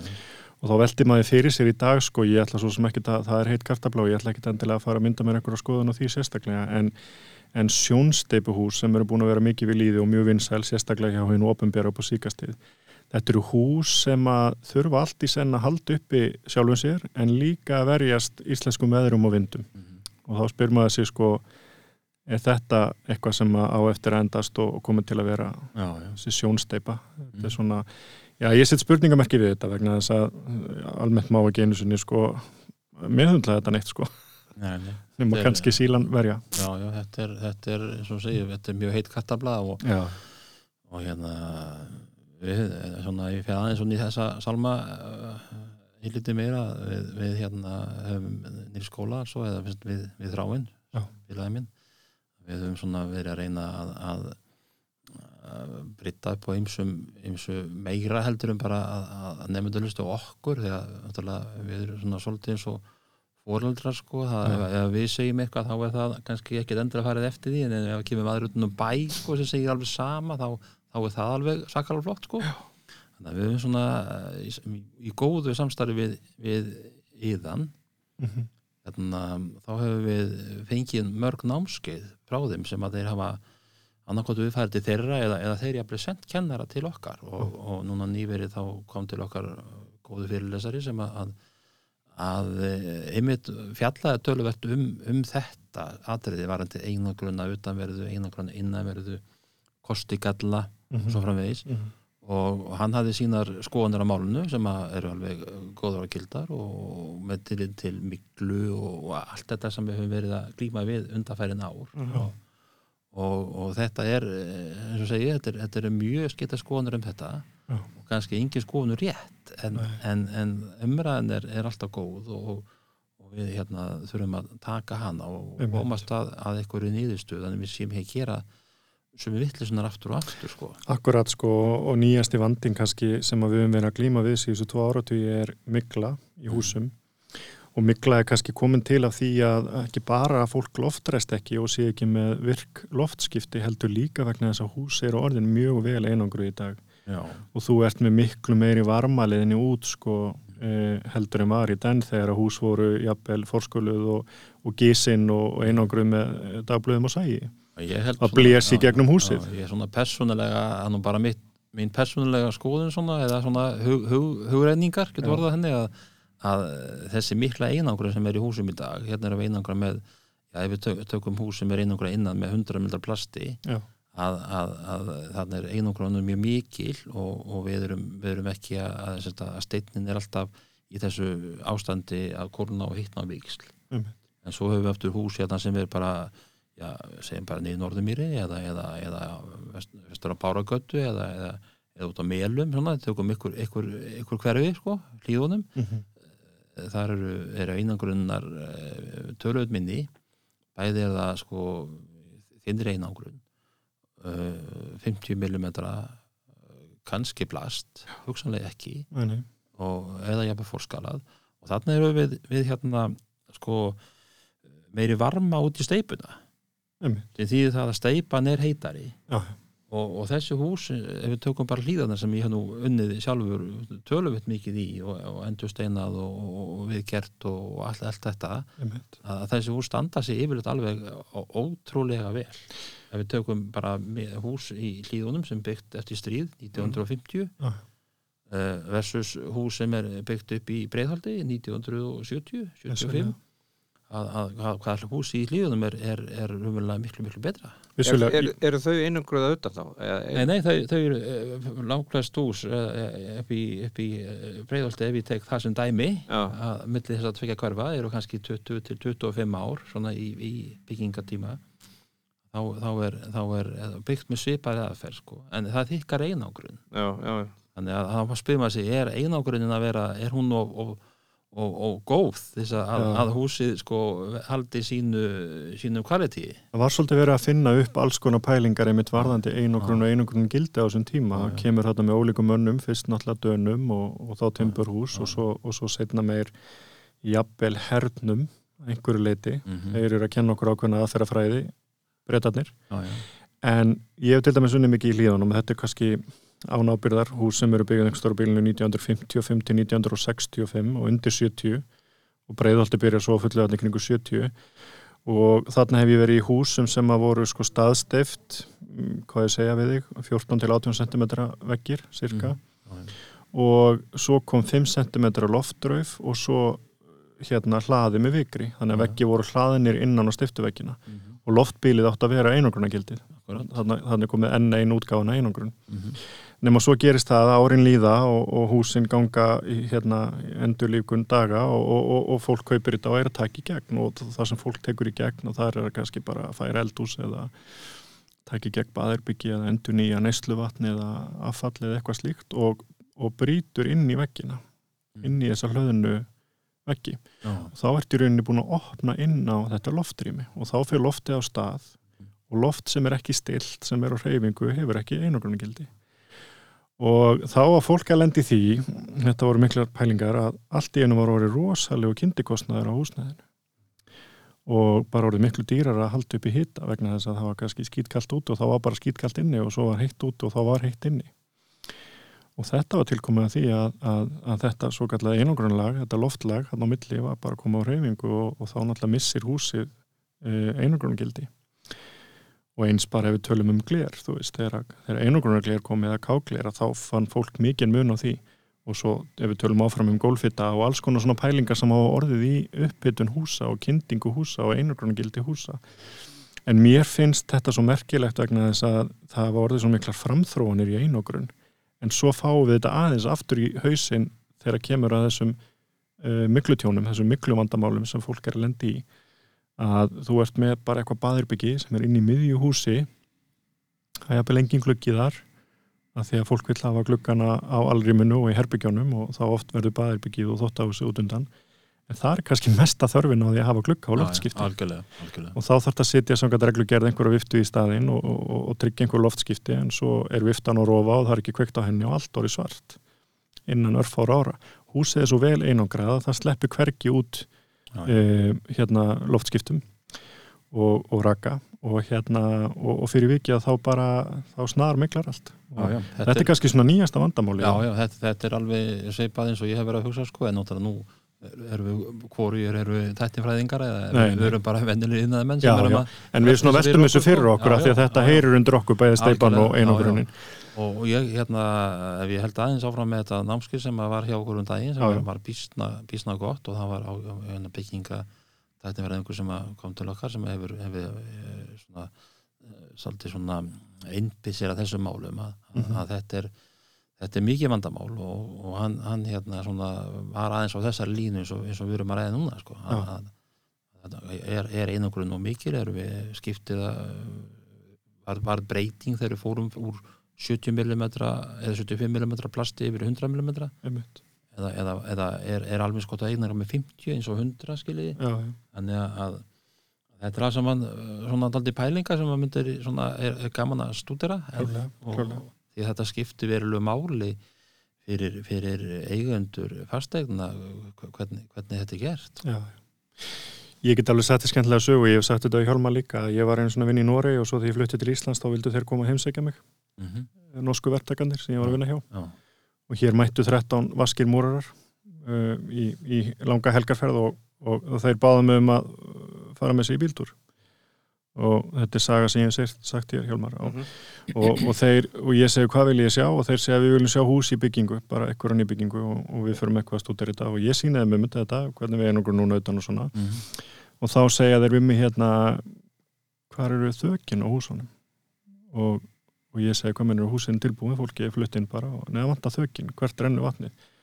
Og þá voru þeir að furða sig á þessum sko stiftu þakplötum, þessum Já, já. flötu þökum. Og, og, þá, þá sögðu þeir við mig sko og og það var það bara þeirra skoðun þeir sögðu bara það er engin lógik í því að hér rignir og eldobrennistein og snjóar og fristir og, og, og vatni liggur bara það nóna einhverju húsi og þú veist í rauninni ekki af því fyrir að það fer yfir þakkantana sko, nei yfir vekkantana og svo, svo fannst þeim, ég man að þeir voru að förða sig líka á því að við erum að nota flót sem gólvefni þessu, sko, þessu alltaf við með flót er bara afréttingarlega gólfsins, það er ekki gólvefnið það er það sem hún nota til að rétta gólfið af undir gólvefni voru að furða sig á þessu líka.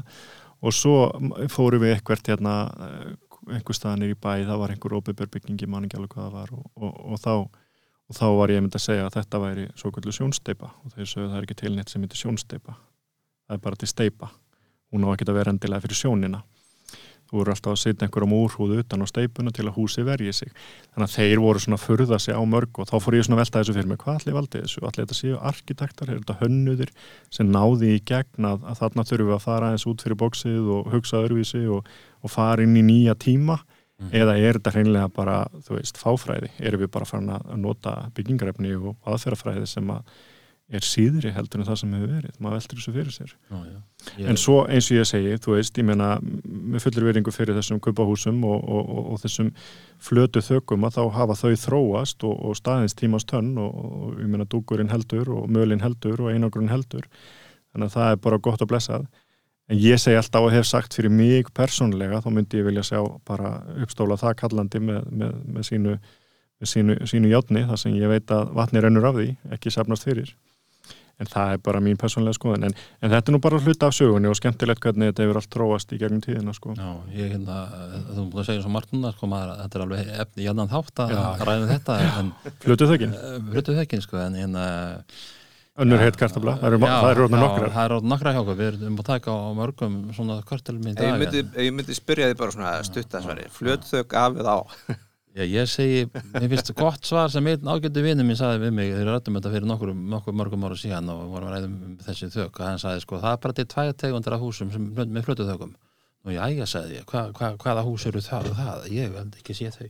Já, það er sko húsum sko sem að hafa leikið og hús sem eiga eftir að leika, Já, já, það er bara þannig. Það er bara hannig og, og ég, ég held bara, held mig við þetta svar algjörlega, það, það er bara þannig að, að, að þessi nú vinn ég mikið í, í svona uh, hef unnið og er alltaf svona praktisærandi sem, sem úrari og, og, er að svona þetta ímsu og mest í viðhaldi og það er bara þannig, það er bara flatt þak eftir ákveðin tíma er bara vandamál Já. Já. Og, og hérna og einhverjum ástæðum að farið út í það að, að mýmörg hús nýri í Fossvogi einbýlushús altså Mhm. Sem eru hérna neðst í Fossvogstallum það var allt eh, svona flötþögg sem að Já, árbænum líka sem dæmi, það, það var, það var eitt, eitt hverfi sem átt að vera með flötu þökum ykkurum ástæðum er, er búið að setja þök á öll þessi hús meira og minna. Já, já. En nú segir einhverjir bölva vitlega segir sem manni ég er búin að búa í svona Já, húsi í 15 ára og ekkert já, og bara, e- eins og ég segi enn einn heit kartablan en ég til dæmis mann eftir Sigvaldahúsum sem ég vunni hann var svolítið að tekna fluttök og, og jafnvel nýta bílskústökin sem svalir. Já, já, og já, undatekningalöst að þá hérna þurfti sko að e, e, fjölga niður föllum taka þau út fyrir veggi og bræða á þau dúk vegna þess að já. þau voru bara ekki að standast á raunina. Eh, þú nefndi hérna áðan sko sambandi við þú ég er með hérna í mínum fr- fræðum hérna í kennsluefninu uh, sjónsteipu og allt það. Að, að sko að e, fyrsta fyrsta húsi sem er svona sjónsteift það er gert upp í, upp í brekkugerði í, í Reykjavík. Um, það er e, við hvernig er það gert? 63 Ok. og þetta hús var til mis notað núna nýverið í ykkur, mynd eða ykkur sjónvarsþættið eitthvað svoleið sem ég eh, man nú ekki alveg það heitir en, en, en Þetta var hönnuður, þetta var einhver arkitekt Já, sem byggði þetta hús. Nei, ekki þetta Er þetta ekki það hús? Nei, þetta, þetta er sem sagt, þetta Breiðhugari 19 þetta, er, Mhm. þetta er fyrsta húsi sem er sjónsteift á Íslandi 63, Já. Högna Sigurðardóttir teiknar þetta Já, og, Það var svoleiðis. Já, og síðan Hög- Högna var, var, var mikill frumkvöð það var í einhverju þætti einhver tíma núna í sjóhampinu. Akkurat, og síðan eru hérna nokkur hús eftir, eftir Högnu sem var mikill svona sjónsteipu Mó- mógull. já, og hérna og bakkaflöð 1 í Garðabæ er, er hérna 68 það er, það er mjög, mjög svona svona sérstakt hús en nú er ég sína strákunni myndaði hérna Já, í, í, í talvinni hjá mér. Fellur inn í já, landstæðin. og hérna og, og svo aftur eh, þú nefndir hana sem sagt ofinbæra aðila og, og, og fyrsta húsi sem að, að ofinbæra aðila reysa það er Reykjavíkuborg sem sagt með sjónsteipu það er kjálfastaðir Já, já, já. já. já, og hérna að, að, að, og það hefur svo sem kýrt hann að staði sér þokkalega en, en það er engin spurning að, að, að þú veist með svona sjónsteipu þá ertu alltaf með rosalega mikið viðhald Já. mikið fyrirbyggjandi viðhald akkurat. Og, og þannig þetta, þetta er, þetta er dölvöld dýrara og nú, nú keri ég nú orðið ja, nánast daglega þegar ég fer til kennslu út í Skerlinesi þá keri ég fram hjá e, húsi Íslenska fræða Já. sem er hérna, hvað við segja í, í, í hérna bakaraðum í Hótel Sögu heitinni og, og hérna heinum einu við er, er þjóðleikúsið, nei, alls ekki hérna þjóðminnesafnið, alltaf ég hafa. Mhm. þar, þar, er, þar er verið að blanda saman efnum. Það er bæði sjónsteipa og það er, það er hérna eitthvað svona klæðning. Og það verður spennt að sjá hvernig þetta hús, hús kemur út eftir, eftir 10, 20, 30 ár. Já. þannig að, að, að, að þetta er, þetta er en, það- en, en að mínu viti sko þá er þá er hérna mm, sjónsteipa rosalega erfið. Og Ekki síður í uppslætti. Já, og ég hérna eh, veistu við erum konið þessa salma að, að, ég hérna fór, fór um landið í sumar ég, fór í gott ferðalag. Ok, og auðvitað nýtt ég ferðalagi líka til að skoða vart og annað. Og, og hérna get ég sínt ykkur vegg sem að, að er hérna sjónsteiftur já, já. Þið, þið, Já, þið, þið sjáu þetta hérna já, já. og Einmitt. náttúrulega nú sjáu áhrundu þetta ekki en, Nei, en, við verðum bara að fá, fá einhverja myndir til þess að en, sína. en, þetta, en, þetta er hérna sem sagt mynd af, af, af byggingu Norðurlandi, ég ætla nú ekki að segja hvar hún er en, en, en þetta er sem sagt ákálega flottur arkitektúr og, og greinilega sko vandaður allt, allt mjög vandað í kringum þetta hús Mm en, en þetta á að vera svona stift og, og það er hérna það er bara hrein hörmung að sjá þetta Já. Og, og við hérna með hérna fleiri myndir sem ég ætla að sína þeim hérna hérna er mynd af súlu sjáu þið hérna hefðböndi súla hérna þið sjáu Mhm. hvernig þetta er svona eh, hálf eitthvað fatlað Já, já. Einmitt. og, og þannig að, að, að, að, að sjónsteipa er rosalega erfitt Já, svo vel sé hérna er önnur mynd hérna rak, ég er með fullt að myndum með þessu hérna, ég nota þetta sem kennst lefni hjá mér. Það sem við erum að horfa á er í rauninni svona eh, þrívítar bitar sem að standa út úr vegnum og eiga að mynda svona minnstur og skraut. En það sem gerist er að, að e, í fyrsta lagi verist þetta ekki vera nógu mikið víbrað. Mm. já.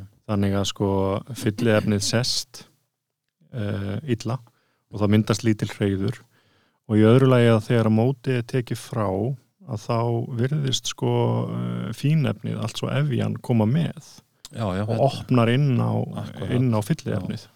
Síðan er ég með annað, annað verkefni hérna sem ég, er er hérna Norðurlandi líka, já, en sem að er alveg, alveg til fyrirmyndar hvernig var unnið.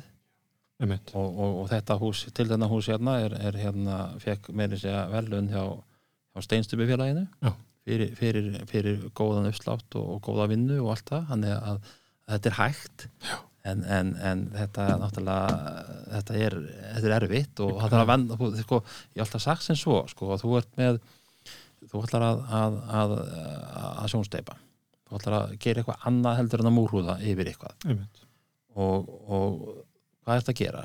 Þú ert að færa kostnaðinn sem taka sem múrar hann í burtu og þá verður það að færa til kostnaðin yfir á eitthvað aðra verkþætti. Já, þú ætti að þá að vanda betur uppslátt klálega þú ætti að vanda betur seifivinu þú ætti að sleppa múrarunum skilur við hvað ég fara? Já, já, Þannig að, að, að það er alltaf einhver ákveðin x kostnaði við bygginguna akkurat og, og, og, og þetta, þetta færa til kostnaðin á milli, milli starfsgreina sko. þú getur ekki bara, bara sleppt þessum, Nei, þessum viðnamenni og, og alltaf spara þér hann algjörlega nei, sko, munurinn kannski á, á hefbundinu uppsteipu og svo þessari sjónsteipu er náttúrulega að það má ekkit út að braga það Akkúrat. þú, veist, þú getur ekki tekið upp hérna brotvél og lagað ef að já.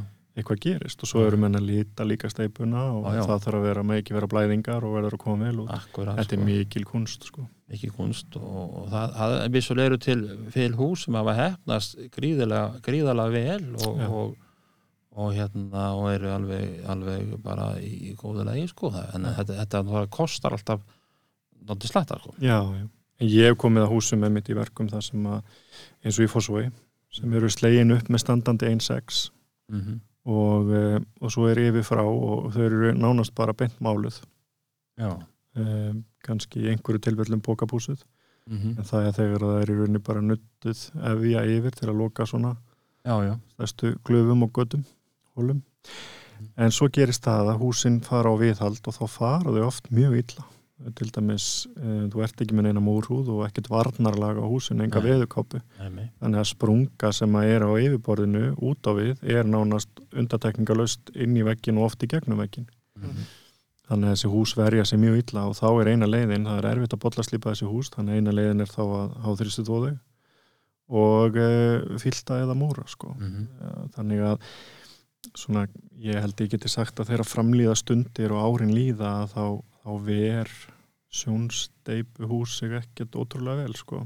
ég held að það sé að segja það ekki nema þú veist að þetta sé sílamborið og hugsað um þetta með fyrirbyggjandi viðald og tökjar á fresti það, kannski einmitt það sem að þarf að gera að, að, að, að, að þvó þau öðru kóru Já, og síðan beru þau mikið Já. þannig að, að, að það er svona svolítið eins og við bónum bílana sko, við erum, að, við erum bónum bíla til þess að, að Sýna fyrirhyggju. að- akkurat, Já, já, já. og þá þurfum við vel að, að gera það sama við, við, við þessi hús sko. einmitt Þannig að það þyrfti að vera til einhver svona viðhald saga á þessu líka eins og til það- með að færi bara með, með bílinn á viðurkjöndu vextið og láta Já, smurjan eða skilur þú svona reglulega að þetta- kemur að þessu sko því að ég er nú oft, oft veltið fyrir mér sko ef þetta, þú ert ferð og kaupið í bíl og ferði umbóðið og það sést að þú komst þarna í júni í þetta árið og Já, já, í þessa skoðun og hinna skoðuna sko og, og en svo kaupir þér fasteign og, og það er ekkert til um sko, hva, hvað var gert og hvenar og hver gerði það og, og svo framvegis og já, já, það, það var gerð hér tilraun um, og býstna mörg ár síðan að, að eitthvað sétt við þess bókhúsins eða eitthvað þess áttar handbók húsins já, Mhm, það einhvern veginn hef, held ég að það hef ekki gengið nægilega vel upp það, það dæmi sko Nei, nei. Þannig að, að, að Þetta þarf að vera, fyrir ekki, þetta þarf að vera enga framtak húsfélagsins eða svona fyrirtæki eins og ég nefni eignaumsjón já, já. sem að sjá um blokkina Já, já, eða já, sjá já, um já, já. st- stofnunina. Já, já. Þau fylgjast með þessu öllu sko. Mhm. en þarna vantar einmitt þessa sko, byggingasögu og það kemur oft með reynslu bara, veist, mjög sjálfgeft en það er kannski múrari bara búin að sinna húsinu frá upphafi nánast og Mhm. er að koma kannski í fjórða sinna að húsinu frá því að það var byggt sko. já, já. og þá kannski dettur mér einna helst í hug sko alkæliskeptir Mhm. þar sem að hús voru steift úr sjógrús og, og, og sko fylli efnið á móti sementinu og vatninu er þá úr sjó Mhm. og þá fylgir því salt og þá verður til eitthvað sem heita efnakvörf og, og í þessum efnakvörfum er það uh, þessar Akkurat sem við þekkjum sem svona örsprungunet og hvítar Mhm. hérna, úrfellingar á húsum sem voru byggð bara á kunnu tímaskeiði einhver staðar í kringu 1960 langum með að segja Akkurat. án ábyrðar og þarna erum við með eitthvað sem að ótrúlega erfitt er eiga við það er bara nánast ekki hægt að gera við þetta með góðu móti þarna er hægt að þvó og, og slípa og, og reyna að setja einhverjum úrhúði yfir eða reynlega klæða húsið. Mhm. og ég veit að mörg fjölbýlishús hafa bara farið þá leið. Já, já. Ég nefni Aspafelli sem dæmi já þar sem maður var reynlega gefist upp á þessu að reyna að, reyna að laga þetta sko. Og, og húsið var bara klætt af því að húsið náði í rauninni ekki að verja sig af því að það var að geta sig upp innanfrá í rauninni, eru við ekki sammálið það? Jú, jú, þetta er Þau eru rauninni sko það verða efnakvör bara í játnagrindin í rauninni Já, og, já, og, og, a- a- öll steinstafan er undurlögð að þessu. Já, innan frá út. Já. og það er erfitt að eiga við það. Þannig að það, það, það enda með því að, að e, þess að við gerir skilingum árangri. Nei. og þá þetta er umverulega að, að uh, setja klæðningu á þetta til þess að fjarlæga sko rakan frá, frá efninu. Að alkali verður ekki virt sko fyrir en það færa á sér raka. Og þannig að þetta, þetta, þetta endar, endar á þannig sko. já þetta er alveg merkilegu kapli já, já. en um, svona kannski að lokum trösti Mm. þá voru við hjálmar að veltaði fyrir okkur hvort að maður verði múraður af því að vinna í múrverki já, það er góð spurning hver er þín skoðun á því? Já, ertu þá að tala um peningalega eða, Já, ég meina geta menn haft gott upp úr þessu já, já, það er nú stór spur sko Já, þetta er, ég, þetta er, er það ekki rétt hjá mig, þetta er svona þú, þú, þú getur verið launþegi og svo getur verið verktaki og ef þú ert verktaki þá ertu náttúrulega ákveðnu tímakaupi eða ákveðnu einingaverði og einingaverði eru þá fermetraverði eða að þú klárar svo og svo mikið og þá farið greitt. Já, já, En í gamla daga var þetta nú þannig að, að eða ekki að þú þurfti bara að- vinna og fyrst borga fyrir það sem þú gerðir. Ekki endilega per tíma. jú, það er náttúrulega má segja við, við báðir svona náðum svona svolítið skottið á þessum uppmælingum Það sem þú fórst á föstu dögunni í félag og Já, fyrst ávísun. já, já, já. ég reyndar kem aðeins eftir því. hérna, Það er nú líklega fyrir aldamót sem það já, var. já, það sagði mér hérna eldri menn hérna árum áður að, að að yðnaði menn almennt Já. píparar, múrarar sanski, það var svona sanski það svo, svo stéð sem maður hafði mest samskipti við Já. að þeir höfðu það gott Já.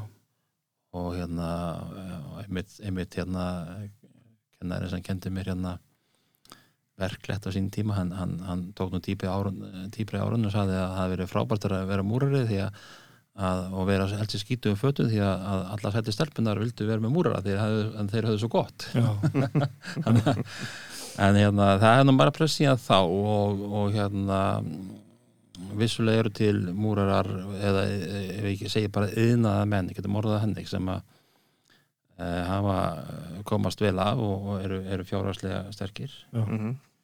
En e, það þarf svo margt að, að falla með mönnum það þarf að, það þarf að vera þekki réttu mennina Já. vera réttum tíma hitta réttu verkin einmitt. og, og, og jú, þú kannski hittir á eitt gott verk sem að þú eitt eða tvö sem að kefa þér vel í aðra hönd og nú svo kemur þriðaverki sem er alveg dánverk Já. og, og það getur upp hagnaðan að þessum tveimur verkinu, já, já.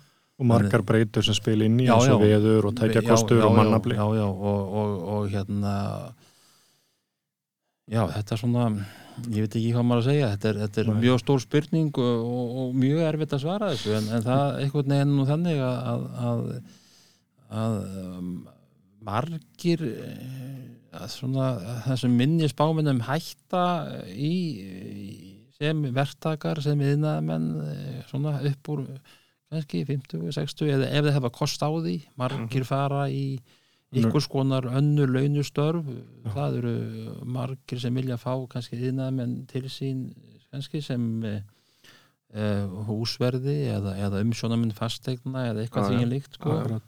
Og, og, og, og margir nú getur maður ekki alhæft sko, en, en margir yðnaðmenn kannski um, um upp úr 60 eru kannski bara búnir á sko líkamlega og niður þreyttir og, ef þú komast í svona þá, þá kannski veljaði það. Það fylgir þessu slit. en svo náttúrulega má segja að vissulega þeir, þeir, þeir aðeila sem að ná að, að verða svona segja, svona hefnir, stórir með góðan rekstur að Já. þeir kannski komast betur af heldur en sá sem að fer í, í húsvarslu Einmitt. já, en, en, en þetta er svo marga breytu það er ekki að svara þessu sko með já eða nei sko. Nei, þetta er svo Þannig marga að maður verður eiginlega bara svona að verða múrari Mm. þá verður eiginlega bara svolítið múrar já, ég, Já, þetta er kannski svona eh, ef menn enn að vinna og halda vel á Já. spöðunum og, og ekki síður eru með gott tengslanett og eins og segir, fá Já. góð verk. Já, já, jú, jú, er ekki endalaust bara í einhverjum svona minni svona verkum Já, sem gefa minna á sér. Og þá- en ekki þá- síður kannski já. eru með öllu á fjármálastjórnun allt svo kunna að reyka fyrirtæki það skiptir ekki síður það, máli. það er alveg líki ladriði í, í, í, í öllum rekstri og hjá viðnaðmönnum og, og það er náttúrulega bara þessi fjármálastjórnun og, og, og, og fara vel með peninga sko og, og, náttúrulega maður þekkir svo marga í kringu sig sko sem að allt í einu eru konu með svaka summu í vasan og átt þessi ekki á því sko að þeir eru kannski ekki nema kannski helmingin að því. Já, já. og, Þetta er svona hvaðan, hvaðan orðatiltæki kemur bara oft ef maður eh, kannski svakalegur menn múraðir eftir, eftir vertið þá er þetta komið eitthvað stað frá að þetta sé Já, einna, já, já. loðinu lófana lóðinu lómana, jú, jú Þú veist, þetta er svona svipað máltæki bara. En ég, ég get sagt eitthvað sákar, sko, ég, ég þekki eiginlega enga múrara sem er sko, e, hvað sé ég, ríkur, sko, þetta, er, þetta byggist bara á vinnu, Já, vinnusemi. og, og fara sparlega með og vera, vera hagsýtn og, og, og svona vera dálítið svona séður eins og maður segir, sko, Já. en, en þeir eru alveg á teljandi á fingur mannara handar, sko, sem hafa orðið svona efnaðir, um Já. orða henni, sko, Akkurat en, en, en, en múraður, ekki múraður, jú, Þetta er en hérna, Þess vegna var svo gaman að sletta því bara inn. En, en, en já, já, þetta Já, nei. en það fylgja þessu fórnir, ég menna menn hafa tekið tartnir og menn er að vinna mikið bæði út á landi og já, já, erlendis og, já, já, já, já. og, og, og, það, menn er rótið slitnir. Og ég meina ég sé kynnslóðan undan mér bóknir í baki og Já, ónýttir í hnjám og Já, já. ónýttir í, mjóbaki og, já, já, og, hérna, og hafa fórna miklu heilsulega Já, til þess að egnast einbýlishúsið sitt Já, og, og fína bílinn og geta farið í frí á hverju ári en já, þetta- ég ætla nú að, að taka orðið hérna og segja sko, ertu tilbúin að sleppa sömafríinu alveg sko ára tögum saman skilur þú ert með, þú ert með þessa, með þessa, þessa, þessan tíma sko sem heitir sko mæ, júni, júli, ágúst kannski í september kannski september og Já. teppin sko en þetta ár núna sem að er verið, eða sem í fyrra Já, þá, þá, var, þá var september bara, hann var bara, bara sko 15. september þá var bara loka fyrir útöfinnu Já, já. sko. og, og þann- þannig að við erum með þessa sumamániði að við ætlum að, að, að hafa sem sagt, ver, verða múræðir Já. þá þurfum við bara að nýta þá sko að vinna tvöfalt og helst. fara í frí janúar. vera menn tilbúin til að sleppa því Einmitt. Ég er ekki, ekki viss um það. það fylgja þessu fórnir og annað sem menn átt að ekki á að þau tækjutól sem heyrundi fæið eru kostnaðasum og startpakkin til að geta sint þessu helsta steipuvinum úrverki flýsalögnum flotun. Þetta eru marga miljónir já, já, taktu, við erum að tala um vinnupalla, öfluga bíla, múrdælur og, og, og, brotvilar og öll handverkar og allt þetta, þetta leipur á miljónum 20, 20 miljónir og húsnæði svo auki sko. Þannig að, að hérna, þetta er mjög stór starf, starfpæki ég, ég, ég hugsa sér ótyrir að byrja sem talanir Já, Já, kannski. Og þetta er oftar en Það er ekki 6 miljón krónar stóllin eitthvað svo leiðis en þetta er oftar en ekki bara inn í tímagjaldinu og menn eiga Já. bara kefti, að kefti, hafa ánæginu fyrir. kefti eitt þokkalega bíl þá þú komið í átta. Akkurat, Já, já, já, þetta er svo sem ekkert ólíkt ef maður fer svona spáur í því að svona talnæknirinn að hann er í raun og veru bara múr í tönn hann er er, að bú- hann er, að- brjóta, brjóta, Brjóta. í tönnina og múra og, og bóra eins og við erum að gera en, en, Já, já, þetta er svipað. Já, en, en, en þetta, er, þetta er skemmtilegt fag enga á síðu trösti, þetta eru kostur og gallar en, en heilt yfir þá er þetta skemmtilegt fag og ef við tökum þessar stráka sem eru kannski ekki bara svona einhvern veginn að leiðast inn í þetta sem sínir múrara eða, eða bara er að vinna á byggingastað og ákveði kjölfari að verða múrara ef við tökum bara stráka sem færi gegn grundnildina í dag taka bara meðvita ákveðinu bara þetta er það sem ég langar að læra og langar að verða að það eru einhverjar ástæður fyrir því það er einhver kvati sem að tógar menn inn í þetta fag þetta Jú, er jú. skemmtilegt fag við, við, við erum að sjá við sjáum yfirleitt eh, mjög svona mikið eftir okkur Já. og hérna ég nú oft sagt eh, þessa sögu sem er bísna góð að það var ágættu vinnu minn sem er reyndar að láta núna hann var, var náttúrufræðingur og, og hann hérna starfaði töluvett við og eiginlega einhverjum við rannsóknir var svona uh, grasafræðingur og starfaði semst fyrir bændur eða bara að finna út svona réttu grastegundunar og svona. Mm. og hann segir svona innum við mig svona veistu að drusti ég alltaf öfund að menn.